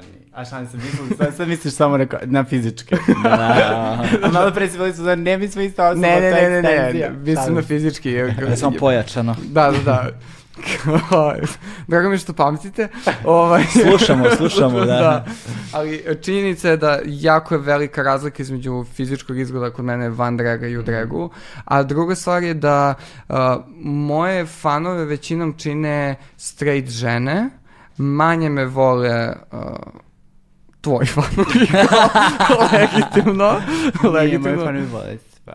pa ne znam baš, ali kao činjenica je da uh, su to, recimo, uh, sećam se tačno jednog trenutka u Novom Sadu, uh, kada su neke dve devojčice htjele da se slikaju sa mnom, ali imaju taj neki osjećaj kao da sam, znači, Da, da. Tako samo bilo početku. pa kao, evo, mogu, Karma, ja možemo mi da se slikamo s tobom, znači, nekako neočekivano. Ili ona devojka što je na tribini plakala kad, kad me videla, što za mene kao, čekaj, kao ja rad, ko sam ja, znaš, kao taj moment.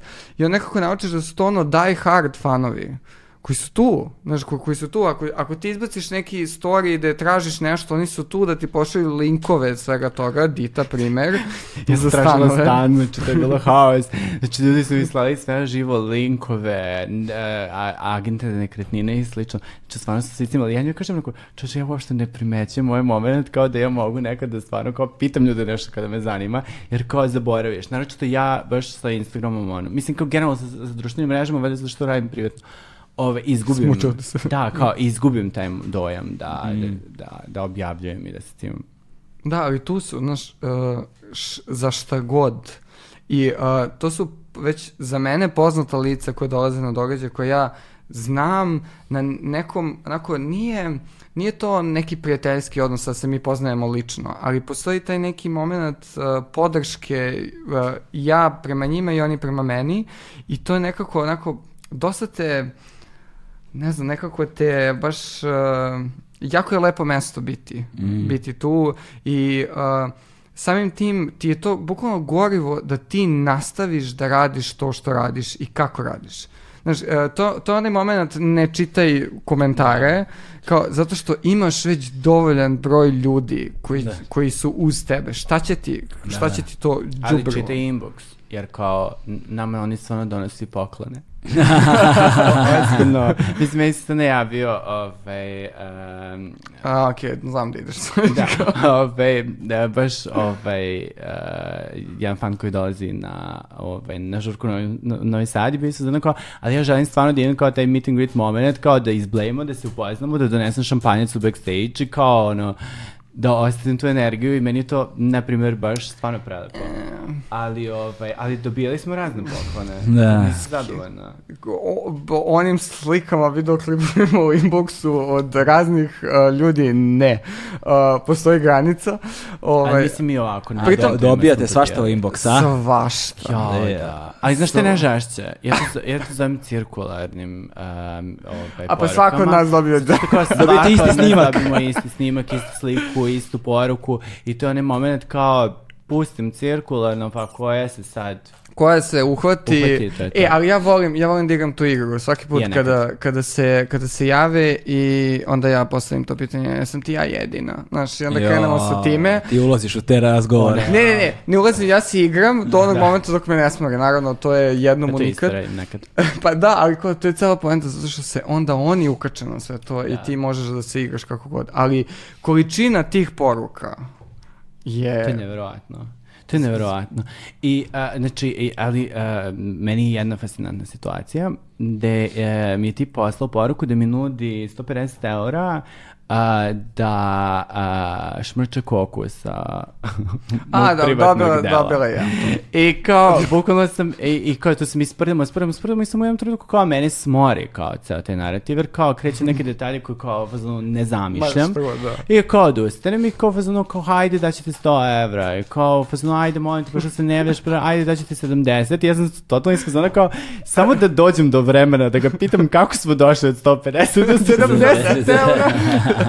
Da, ali, samo te znaš, obično nema me dovoljno da nastavim sa to, Da, to da, obično nema ide blok, ali Yes. uh, to samo pokazuje da uh, kod nas je toliko da, da postoji toliko tabu mesta o kojima se ne govori i onda smo mi ta mesta u kojima će kao da se potegne u, u ono u inboxu diskusije o tome. Znaš, jer dosta ljude koji se javljaju i pitam ih, a dobro, što ja, što ovde, što negde drugde, znaš, mislim, to obično nisu ljudi koji žele razgovor, kao žele neku razmenu, ali činjenica je da baš zbog toga što postoji toliki pritisak sa svih strana oko različitih tema, mi postajemo ta mesta koja ne znam šta, bivaju odgovorna i koja postaju odgovorna za takve, za takve stvari. Tako da ima, ima svega i svačega, ali uh, mislim da kao količina podrške posle svakog događaja Da. je ono ne, ne, ne znam, to je, to je toliko jedan ono, uh, toliko jedno pozitivno mesto da ti, ti želiš zauvek da budeš tu. Da, Znaš, da, toliko je, malo je, malo je ono addictive, znaš, kao postoji malo taj moment da ti kao, e sad radimo. Pritom mi smo radili pre, uh, pre covida smo radili svaki mesec događaj koji je bio tematski određen i onda na sve to smo pokrenuli naše balove koji su imali isto teme i kao ti sad imaš i bal na kojem moraš da hodaš koja god kategorija bila i onda trebaš da nastupaš. I sad ti smisli sve to upakuj da, znaš, to bude ipak jedan izgled, a dva različita koncepta. Znači, onda smo se baš dosta igrali i umorili. Ba, ja, ja sam se umorila. Da. Zato što je to zahtevalo da ti a, na mesečnom nivou smisliš kako ćeš da izgledaš, da. smisliš nastup, da odabereš pesmu, da sve to uklopiš da ima smisla i Koliko traju nastupi? Jednu pesmu, šta? Mislim, Pa- Da, i zavisi da li je jedna pesma ili Da li, da. Mislim, zavisi da li praviš eventualno neki miks gde ono kao u roku od pet minuta možda nabacaš nekoliko pesama. ali, ima, ali ima ograničeno vreme za nastup ili ok?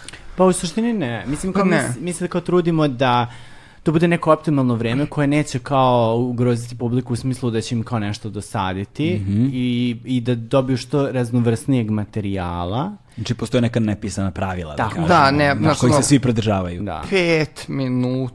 Da, da, da. Znaš, Da, idemo da. tu negde, mislim, dešava se da naravno neko pređe tih pet minuta, ali tačno se vidi i dok nastupaš i, mislim, dok gledaš neko kako nastupa, da ono, smori se. I osoba koja nastupa. Znaš, meni, je, meni su kao... Kad uh, ne procene dobro. Da. Da, da, i onda, i onda ga izvozuju na 10 minuta i ti uzmano, uf, ok, cool, ali kao radi nešto drugo.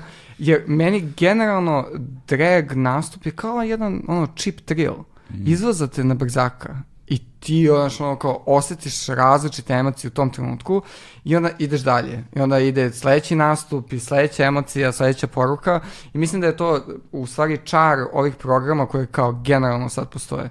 Jer ti dobiješ spektrum emocija, dobiješ spektrum poruka sa kojima možeš da se onako poistovetiš Da. i onda se vezuješ. I tako se, mislim, stvara i neki fun, ono, fan base kod Da, nas. da.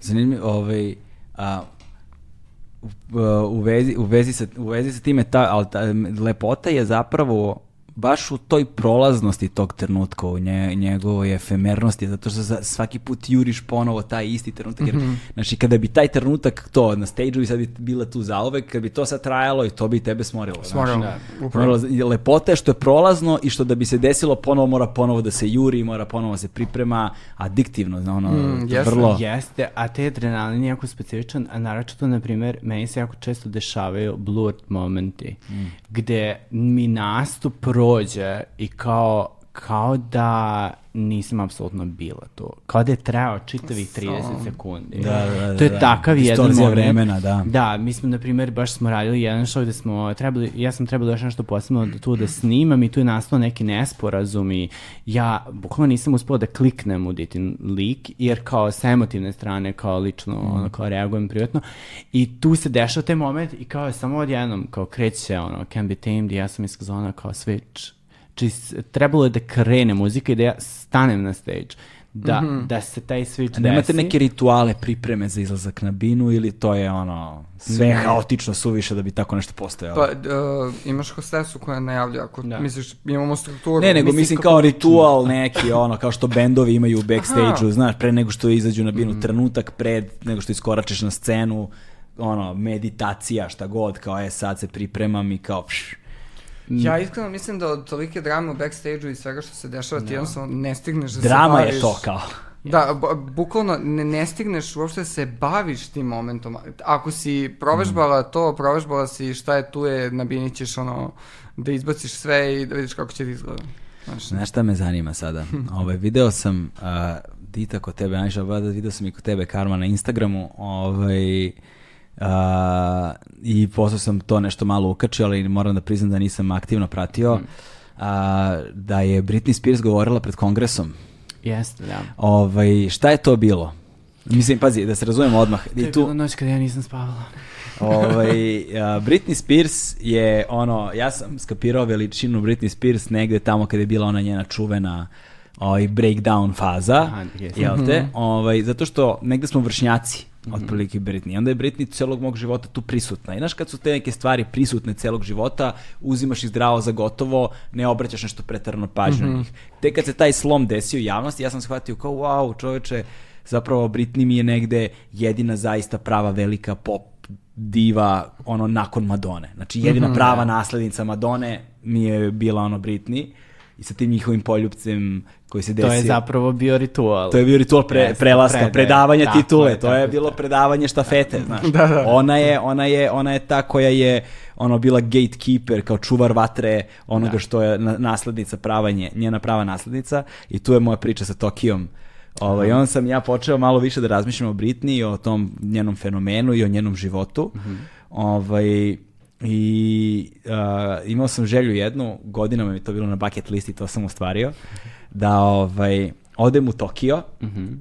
u karaoke bar, da se napijem sa gomilom Japanaca i da ovaj, uh, pevam Britney Spears Every Time, mrtav pijan sa njima, nešto četiri ulice na karaoke. beba. Da, e, da, i to sam, i to sam uradio, mislim, moje pevanje je katastrofalno, tako da to ne može uopšte da se nazove pevanje, ali Imaš sam snimak? to... Imam snimak, da. Imam snimak, to moram da da, da, vidim. imam, imam snimak. Čak mislim sam ja kačio da negdje na ocenjujem. ovaj, tako da, tako da Britney Spears ono, ima dosta važnu ovaj, poziciju u mom životu i bio je dokumentarni film gde je zapravo se govorilo o eksploataciji Jeste. Britney Spears, ali hajde da damo malo konteksta, pošto vidim da ste va- dve to baš pratile. Ono. Ove, pa da, u suštini, uh, mislim, ono kao, ako krenemo od samog starta, mislim, ona je kao još kao klinka bukvalno bila programirana da bude zabavljač. I, mislim, ona dolazi iz jedne totalno drugačije pozadine u odnosu na to kao gde ona sada, u smislu, to je ono kao Luzijana, to je taj moment, ono kao katolička crkva, onako, ona bi bila fazana učiteljica da nije bila ono kao pevačica, prosto je jako skromna i to je ono što je nju krasilo, zapravo ona je bila te kao American sweetheart. Da. I ona je sa tim uspela da dopre do mase, a onda su ono kao bili iz fazona kao, ok, jer ti čim dobiješ uticaj, ti si automatski postaješ meta za sve te ljude koji žele da speru pare na tebi i da te komercijalizuju. I kad si u toj industriji, realno ti, mislim, kao ne- nemaš ni mnogo izbora, očekuješ uspeh, želiš uspeh i sve to, pritom si nesnađena devojčica od 15-16 godina. Da. I, ove, i ona, Ona je je bila još i Disney zvezda. ko Tako je, da, ona da, je bilo Mickey 15 Mouse Club. Ona kada je bila 15-16, ona je već 10 godina bila zvezda u tom Tako je, ali da bi Da. došlo uopšte kao tu, uh, onda je imalo gomilu audicija i svega svačega. I one, mislim, čak i za taj Mickey Mouse Club, ona je, čini mi se, nije prošla tipa prvu audiciju, zato što je bila kao previše mlada, pa se ostavila za sledeću godinu. Mislim, roditelji koji su bili u ogromnim finansijskim problemima, koji prosto guraju svoje dete jer kao vide da tu, ono... Kao finansijski Tako plakat. je, i tako Da. je, i oni su to tako i doživjeli. Ove, I ona je došla do svega toga. Mislim da je njen highlight otprilike bila ta 2003-2004 godina, nakon In the Zone uh, i, i celog tog momenta. Ona je tada imala tu kontrolu u smislu... Um, ona je tada zapravo započela spremanje Original Doll albuma koji nikada nije ugledao svetlost dana i koji bi trebao nju da postavi na mesto pevača zapravo. Da. Imao je dosta akustičnih uh, tih nekih pesama, naravno ja sam preslušala sve unreleased tracks ono, kao za, za taj album koje su bile namenjene i ove, i tada dolazi problem sa managementom, jer ona nema toliko samostalnosti u donošenju svih odluka I ona je, na primjer, recimo, ja sam je tada prepoznala kao svoju, jer ona je, ona je samo pozvala Kiss FM uh, radio i bila je sezona ja stižem i da pustim svoje stvari. I ona je došla i pustila je Monalizu, um, demo verziju potpuno koja je neobrađena, znači onako njeni vokali vrište ove, i ona je to pustila mimo znanja bilo koga i to je zapravo bio njen način da ona iz buntovni, mislim iz buntovničkog nekog akta ljudima predstavi Monalizu kao svoj alter ego, jer u toj pesmi priča o tome kako oni grade legendu da bi zaradili na tome na, na tome kada je sruše. Mm. I to je ono što je čekalo Michael Jacksona, to je ono što je čekalo i druge, tako te celebritije, Anna Nicole Smith, recimo, Marilyn Monroe i sve ti ljudi koji su toliko podizani da budu jako bitne figure, jer ljudi toliko vole kada izgoriš. I oni znaju da ljudi više vole kada izgoriš, to im je mnogo uh, uh, onako mm. zaintrigire ih, nego da ti konstantno imaš samo neki uspeh. I, ovaj, I ona je puknu tu predvidela svoju. Isto kao i pesmi Rebellion koja je trebala da bude na tom albumu, gde ona bukvalno priča o tim ljudima kao pazi se ljudi koji su ti bliski, vudu stvari i otrova koje ti daju, kao i da je u tom buntovništvu zapravo jedina istina. Um, naravno, ta pesma nikad... Ona je to, ima bukvalno jedan snimak gde paparaci snima i ona samo kao pusti tu pesmu i odleti sa autom.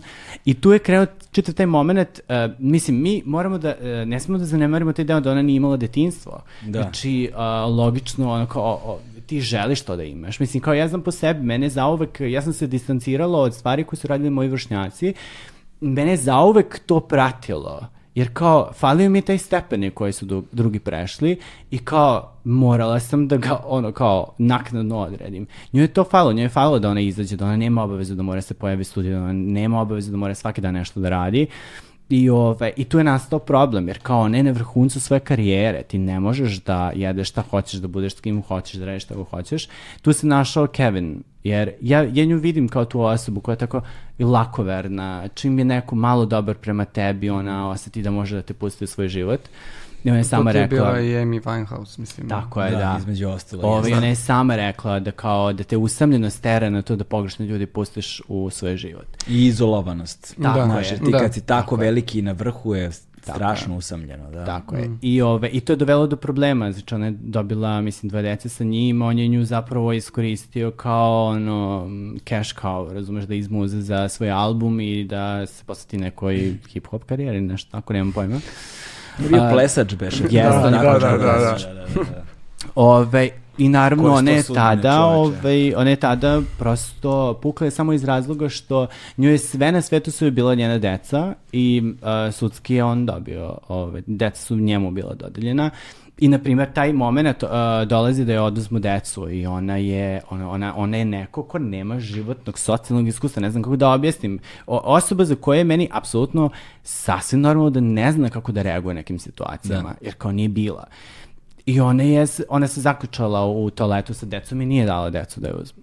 I tada je ono, dolazi helikopter, probije vrata, drre, svašta nešto. Uh, Nju odvode u tu kao fazonu ustanovu da je ono kao da ima mentalne probleme upravo zbog tih stvari kao zatvorila je decu. Ali kao... pazi, jako je bitno da se uh, ubaci taj vremenski moment. Znači, to je da bilo se, 2006. 2006. 2006. 7. kada nama je koncept mentalnih bolesti. Apsolutno da, mentalno zdravlja uopšte, da, uopšte kao daleko, daleko. daleko. To je, najgore. to je nešto što to je nešto čemu svi govore sad. Tako je. Sad, da. sad se priča yes. o mentalnom da. zdravlju. 2021. godine, yes. kao 2006. Pff Ma da, da, tad je ona samo Ćuti i bila... trpi, da. Sad je samo je bila luda, znaš, to što se ona obrala, to je bilo... Da, to su bili naslovi, to je bilo, znaš, pa slično kao tebi što se desilo. Da, To je, ta vrsta, to je ista vrsta eksploatacije, samo što je Jeste. kod nje to na jednom globalnom nivou. da. Ali meni je zanimljivo, recimo, framing... Kada izvini, kada je breakdown, ono meltdown zapravo javan, to je ono što je, znaš, Da, ali mislim, to su takve situacije gde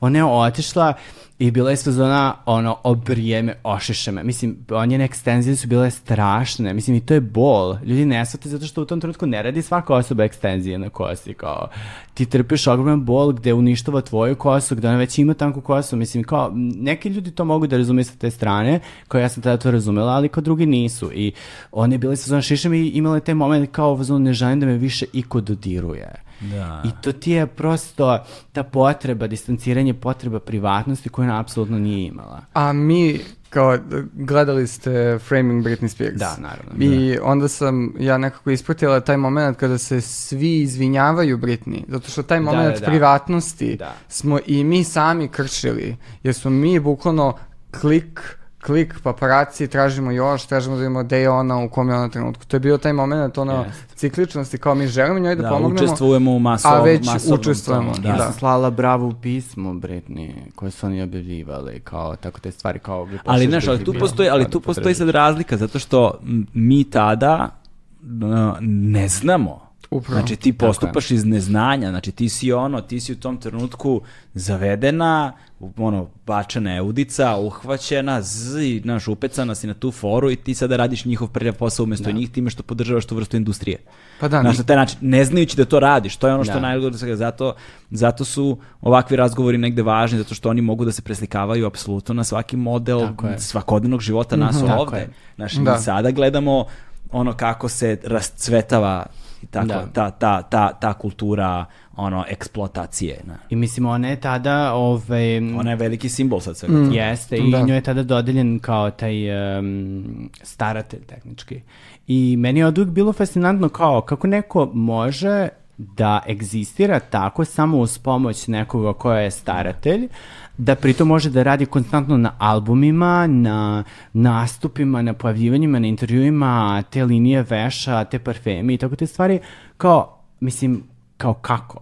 Ako ta osoba to ne, ne može, kao, kako onda može? Kao sa pravne strane, kao ne može osnovne stvari, nema pravo na osnovne stvari, a na ovo može. Pritom ona zarađuje novac gde ona nema svoju kreditnu, mislim da ona nema svoju karticu, nego kao cash flowom upravlja njen ćale. I A, još mislim, smešnije što ona zarađuje da bi plaćala ljude koji upravljaju koji, nad njom. tako je. Znači, ona plaća te, baš je bio moment kada ona kaže kao, da, da ona nije mogla da stigne, da ona nije mogla da ide na neku probu i da je ona izdramila zbog toga jer kao nije stigla i da su oni poslali sutradan psihologa koji je bio iz sezona A, kao... bio je, bio je dance move. Imala Da, da. je, da, im, im, nije žela da radi neki pokret Da. koji je njen management zahtevao. I da bi oni nju natarali da ona odradi celu tu koreografiju kako je namenjeno, oni su napravili celu tu priču, pozvali su njenog uh, tog psihijatra i rekli da ona ne pije lekove, Lekove, da, da, nije dobro, a pritom š- to je ona izjavila da ona lekove pije samo ujutru Da. i da oni nisu tu kada ona uzima lekove i da potpuno nema logike, Da. ali je zarobljena, bukvalno je zarobljena u toj, toj kao zakonska klopka. Da, ali meni najstrašnije bio, bio taj moment gde ona kao, ona ima, ja sad ne znam kako se to kao zove stručno, da, da li je to spirala nešto drugo ili kako se to zove kad se žena, da, da ne bi mogla da zatrudni. A spirala? Da, Aha. mislim da da, jer one, e, to je... m, Gde su ugradili kako se spiralu, zove, to, Tako da. je, Da. da. Gde je njoj zabranjeno da ona... Ugradili, stavili. Da, ugradili, kao zidali. da imaš taj moment da kao e, neko mimo tvoje volje ti stavi to, mislim kao e, upravlja tvojim telom, bukvalno fizički upravlja tvojim telom jer ti ne dozvoljava na bilo koji način da se ti, na primjer, ostvariš dalje kao majka ili što god što je kao njen stan generalno od ovog bio. I recimo to mi je bilo strašno. Uh, druga stvar, ti kad gledaš njene intervjue ti vidiš da je sve skriptovano. Ti vidiš da ona gleda i traži gde je ono, kao da stoji neko sa tablom, ono. Ja, to mi je ovaj, omiljeno za, društ, za njen Instagram. Da. To je recimo bila fascinantna priča da uh, devojke su pokrenule onaj podcast, to je Jeste. bilo u Framing Britney Spears, da su kao analizirale njene dnevne objave i to i onda samo u nekom trenutku su primetile da na, uh, smajlije koje ona stavlja, način na koji ona uopšte piše te dole tekstove su se znatno promenili odjednom i Mhm. onda su one pokrenule čitavu tu teoriju da u stvari nije ona ta koja vodi svoj Instagram. Što se ispostavilo kasnije da kao zaista jeste tako. Jeste, zato što bili su naprijed neki videi koji su kao stari fazon da je godina, onda kao izbeci kao juče sam, ne znam, se ono kao igralo za ovu pesmu, obožavam tu pesmu. Da, i I sve je neki, kao, ne, ovo je neki video od tada i tada. pozitiv, uh, ono, pozitivno je sve Jeste. super, I nema bilo je prečudno, ono kao bio neka srca kao samo, sliku neki srca i kao fazonu, ne znam, ono, ljubav je ljubav. Da, Ne, dosta je bizarno da. izgleda taj njen Instagram, pra, pratim je na Instagramu, mm, kao dosta da. bizarno to se izgledalo sa svim nekim ono... Ali ja mislim da je savršeno uklopljeno u taj moment uh, sada, kada znamo šta su mentalne bolesti. I sad ide ceo taj moment uh, kad neko, da kažemo, bude na bolje mesto i on želi da podeli to bolje mesto sa ljudima i da iskomunicira kao što je i njen management u stvari uradio sa društvenim mrežama. Oni su komunicirali kako je ona super, kako je ona sad pozitivna, ona je prevazišla jedno kao veliki korak u svom životu, pre, kao prebolela je sve to i sad ona se izborila sa tim mentalnim bolestima i sve to nekako su savršeno uklopili, da ti uopšte ne pomisliš, nego samo si u fazonu kao ok, ona je sad dobro. Uopšte ne zalaziš u to i onda tako te male sitnice kao što su emotikoni koje ona koristi, Da. samo odjednom predstavljaju... Ali e, ljudima je i dalje, čak i kada se pojavio Framing Britney, ono kao, e, ljudi su i dalje kao bili skeptični da li je to teorija zavere ili Da, ne. da. Tačno se osjetio taj jedan moment, čak i javne ličnosti koje kao, na primjer, e, Paris Hilton je kao imala isto dokumentarac. e, A s- ali Paris Hilton dokumentarac je Paris Hilton za Paris Hilton. Znači, Ovaj. taj dokumentarac je bukvalno uh, jedan ključan moment, izvini, Mhm. gde Paris Hilton uh, govori kako je ona um, kako je ona stvorila selfie.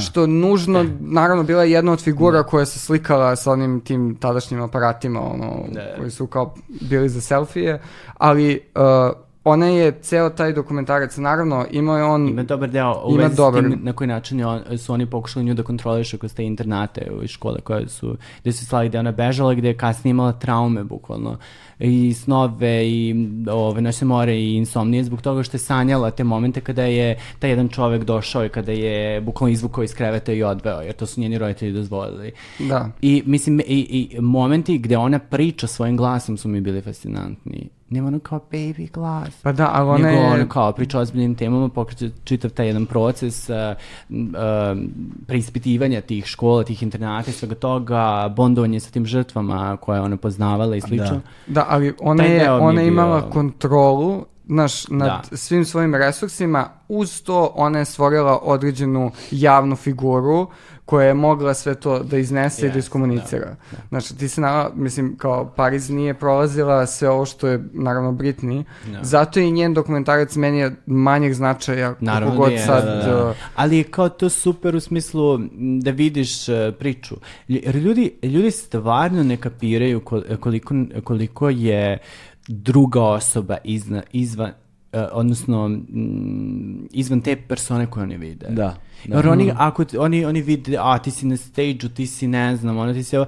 Baš ja mislim, m, Bojanica kada je bila ovde, recimo pomenula, na primjer, Sajsi, za koju je rekla fazonu kao ona kida, ja mislim, ja sam gledala Sajsi i ono kao ona na stage-u, žena samo što ne zajaše, ne znam, ono, mušicu, razumeš, i poleti na njoj, znači takva je prosto, energetski, ono, svuda. Ali, što kaže Bojano, kao, ona ti ta osoba privatno kao da se nekom rođendanu ne bi primetio, mislim. I to je, i, i, ali ljudi to naprijed ne kapiraju i oni sad očekuju da ona neka bondage girl, domino dama jer je stalno u tim, ono, body chainu i tim stvarima i kao kide na sceni, a to uopšte nije tako. I, i zbog toga im je teško da razumeju da postoji čitav jedan pozadina iza lika. Da. I to je sa Britney najveći, pro... mislim, kao jedan od problema, jer kao, oni te vide na stage-u, ti kideš sve super, kao, okej, kao, šta ima da bude loše? Ti imaš pare, ti imaš kuću, ti imaš, onako, šta ima, šta ima da ti bude loše u životu? Pa da, nismo... Ali, to je zato što Da, su onaj to bogati plaču, ceo taj, ceo, Da, da, ceo da, taj, da. ceo taj moment, da. Ali vidiš, to je onda zanimljivo tim pre a, sve ovo čime se vi zapravo bavite, jer a, ta vrsta zamena uloga, ta vrsta transformativnosti, ta vrsta, to je nešto što je zapravo mi, mi sad govorimo ovde o dregu konkretno, ali to je ono što je RuPaul si rekla da je rekao, znači No, rodiš se go, sve ostalo je drag. Da. Znači, sad je samo pitanje, Da, ti si nas video u dregu, a ostalo je da nas vidiš još samo gole. pa video sam, video, video sam vas, da, samo u dregu, da, da, ostaje samo gole, tako je, tako je. Dok se uključim, malo sam spor. A sledeći korak je da mi tebe vidimo u dregu, što Tako znači je. da apsolutno jednom Apsolutno. To mora se desiti. desiti. E, da, i to smo pričali kad smisliti- da smis- moramo smislimo drag ime. Jeste, Da, i jest. smislit ćemo kada će to da se desi, u smislu, Postoji taj moment u stvari kad uđeš u drag da ti dođe ime. Mislim, to je, Yes, to je da, nešto da, što da, možda da. treba da ostavimo kao... da. Ali Kad- kad se- Neki desi. performans, a? Da. Joj, bilo bi Neki voging.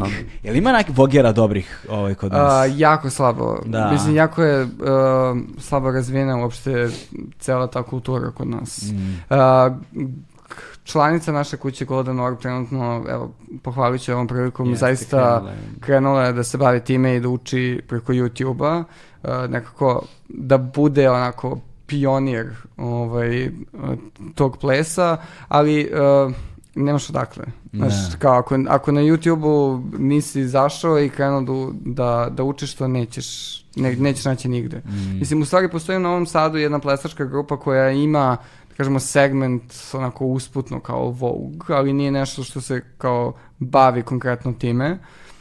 Ali, mislim, ko zna, možda sad... Evo, možda, znaš, neke nove generacije će sada se pojave i da ono, uh, kako se zove, dead drop i ne znam, špage, Da, one, to, splicovi. Dešavaju se te scene, da. Dite i ja nećemo biti Da, to mi, evo, ASLP, znači, redke su situacije u kojima ja širim noge toliko a, gimnastički, Ma jako ali, podignem ovaj, ruku na Ruku kao, jo, to je, šalim se, ja volim da je onako energično i da, i da puca i da... Ona ima recimo dosta uh, Britney Spears pokreta. U da, ja, Dosta ja je- imam taj, es, taj, taj moment Britney kod sebe, da, to je. Da, da, ti ima. Ona, ja. Kada krene, Mm, to mm, su... mm, mm. Da. Ja sam mešavina uh, od prilike Britney Spears i Pussycat Dolls. Taj Da, neki vibe. da, da, okej, da, da, okej, da, da. neki Jesi vibe. išao na Pussycat Dolls u areni? Nisam. Aha, dobro. Baš dobro. mi žao što nisam. Ja jesam što ne rekao. Ja sam tamo sreo Bajagu. Sjajno. Majke mi. Kobayagi. Ne, stvarno, stvarno. stvarno. ne, šali bilo. Kobayagi. Kobayagi. A, pa da, jasno mi je, kao Suzana. Suzana. kao, kao Suzana. Da se. ovaj, dobro, a, ne bih vam uzimao još ovaj, previše, previše vremena, imate još pet, da, imaš ti konkretno pet e, E, da. transformacija ove nedelje, ovo je tek ove prva od tih nedelje, pet. A sledeće nedelje, 10.7. Uh, kad se Vraćamo grad, se. vraćamo Mm. se, naša žurka je, tako da, ono, kao ljudi, neka svrate, ove, uh, da nam kažu da smo bili danas očajne, ali ove, baš platiti Nema, veze, nema, ve, nema, nema veze, ovaj, vidjet ćemo kada će ići ova epizoda, ali svakako ćete me updateovati sa vašim eventima i onda ćemo da stavimo predstojeći nastupi, ono, prva Aha, stvar u to, to, opisu, to, u to, opi- to. linkova, tako da možete dođete da vidite uživo ove dve a, divne kraljice. Uh, s, je- s jedne strane, drago mi je što, pre svega što ste došle i što ste približile celu jednu tu kulturu a, ovaj, publici koja je verovatno u velikoj meri a, se nikada nije srela sa time, barem ne na ovaj način, barem ne da. sedne, da porazgovaraju, da, da, da cela ta jedna kultura dobije treću dimenziju, da dobiju, dobije ljudski oblik, da kao malo komuniciramo o tome da shvate da ima nekog šireg i dubljeg značenja od onoga što vide senzacionalističkim naslovima na prvu loptu i to mi je negde najvažnije otprilike u svemu tome. A mi ćemo se, bože moj, već družiti. Vaše Instagrame ćemo ostaviti isto u opisu, mogu ljudi da vas zaprate ili da pošlju zahtev pa da ih Pa, odbiješ. ja sam tada odbila sve ljude. Da, bu- budi- Bukvalno sve ljude i blokirala. I Da, tako budite kao, ljubazni kad šaljete inbox. To, to. listi- Sa punom svešću o tome šta dobijaju inbox, dakle potrudite Da. se da budete pristojni i fini, pa možda i ovaj, do, Ja dobijete samo zelenu nadam svetlo. da će ono kao, mislim, sve ovo preslušati otvorenog srca i otvorenog uma i da... Pa tome da se ja vrati- nadam negde, Da. znaš, to je, Da, to, ja to je da zapravo da. posao koji mi sada radimo, znaš, Jeste. to je, jer opet rekli smo to negde na početku, puno zajedničkih prijatelja imamo Mm. i stvari o tome što kod njih je drag sve prisutan, znači Mm. ljudi sa kojima mi komuniciramo, sa kojima vi komunicirate, to su ljudi koji znaju sve, vi njima niste rekli ništa novo, na- i tako dalje, Da. osim nekih elemenata možda testimonijalnih i ovakvih i onakvih, ali kao u suštini što se same kulture tiče, a onda postoji ta druga strana koja ne zna apsolutno ništa I Da. to je sad, sad, nama je negde, ne možemo mi da izmislimo novi 6,5, 7 Da. miliona ljudi u ovoj zemlji, nego moramo napravimo most među izme- kod tih postojećih i da nekako se približavamo Mm. jedni drugima, da uživamo u tim različitostima, čoveče, pa to je Mm. najdivnija stvar koju imamo. Ti Yes. to jako dobro radiš. Hvala ti puno na Mislim, tome. generalno. Z- Zato mi je uvijek interesantno da, da, da slušam. Hvala ti, hvala ti, hvala E, ti ja puno. sam bukvalno ono kao za ovaj format kao meni isto ono kao je Za biciklu je idealan. nešto što Za biciklo, Da, da. pa i da. idealan. Ovaj format mi je onako kao uvijek bio nekako onako interesantan, ali kao nikada nisam sebe mogla da zamislim kao gost u nečem podcastu, osim u tom, ali e, totalno sam manifestovalo to jer kao slušam te i kao ispozorna sam Šta bih ja rekao? Da, ali ne, znaš šta, me, znaš šta u čemu je fora? Uh, fora je u konstrukciji pitanja i kao tematike i način na koji se ti onako studiozno baviš tim stvarima, jer kao mi smo toliko umorni A. od pitanja onih najklasičnijih, koliko ti treba vreme da se spremiš, a šta ti je najskuplja, na šta ti na šta je... nas nije pitao? Šta? Šta je drag? Joj, da, znači, hvala, hvala, hvala. Šta je drag i šta za pitanje. tebe znači drag? Znači, to je prvo pitanje svih intervjua ikada i Znate, ono ako kao- nekoga zanima, e, smo i Google, pa nek, nek potraže čoveče. Znaš, to, je na- to je barem najmanji problem na svetu. E. Meni je mnogo važnije bilo da upoznam likove ovaj, i da, da se ljudi upoznaju sa likovima i da ono, na kraju dana uh, sve su ovo pričanja priče i svi smo mi ljudi, ne znam koliko sam puta to pomenuo, ali na, čudno je, kako bih rekao, čudno mi je zato što sam sam se suočavao sa problemom različitosti i onda sad tek u ovim godinama. Dakle, ja, ali ja stvarno mogu da kažem da, ne znam, do svoje 35. 6. godine sam u velikoj meri ono bio, znaš, nisam razumeo mnoge stvari. Samo to nekako kao kumulativni efekat dođe. Samo u jednom trenutku sve to sazri, izbije na površinu i onda jednom vidiš stvari koje su sve vreme bile prisutne. I kao, i sa, sa tim saznanjem, ono, s jedne strane osvetljavaš svoj život iz novog ugla i onda idu ti procesi, ono, od kajanja do, ne znam, naš, ono, o- o- rascvetavanja u različitim aspektima i kao da ja sad sebe zapravo počinjem da upoznajem i opet je ta transformacija na svakih nekoliko godina svakako, znaš, ja pre pet godina, ja pre deset godina, ja pre 15 godina, to su sve potpuno drugačije osobe. To je sad opet neka transformacija, to je opet nekako putovanje, to je opet neki Jeste. novi lik, znaš, i ovaj, i sa upoznavanjem sebe sada upoznajem sebe pre. Znaš, i onda zanimljivi su ti susreti kako kada bismo se sreli mi kroz to te i kliše momenti iz različitih filmova, sretneš to. sebe iz prošlosti, šta bi sebi rekao. Ja znam da je postojao Galeb u nekoj prošlosti koji mene ne bi slušao sada. Znaš, Aha.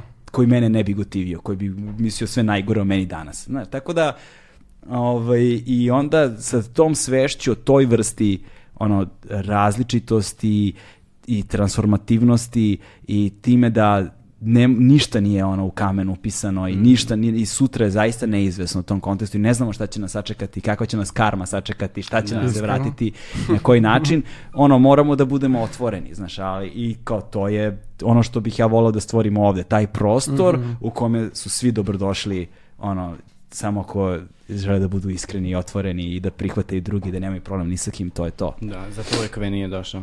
A?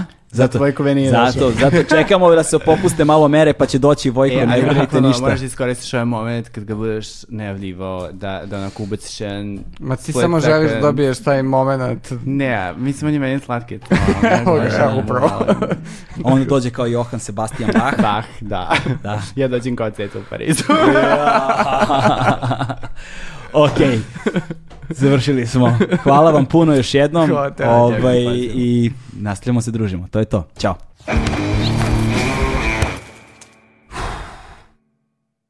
Hmm.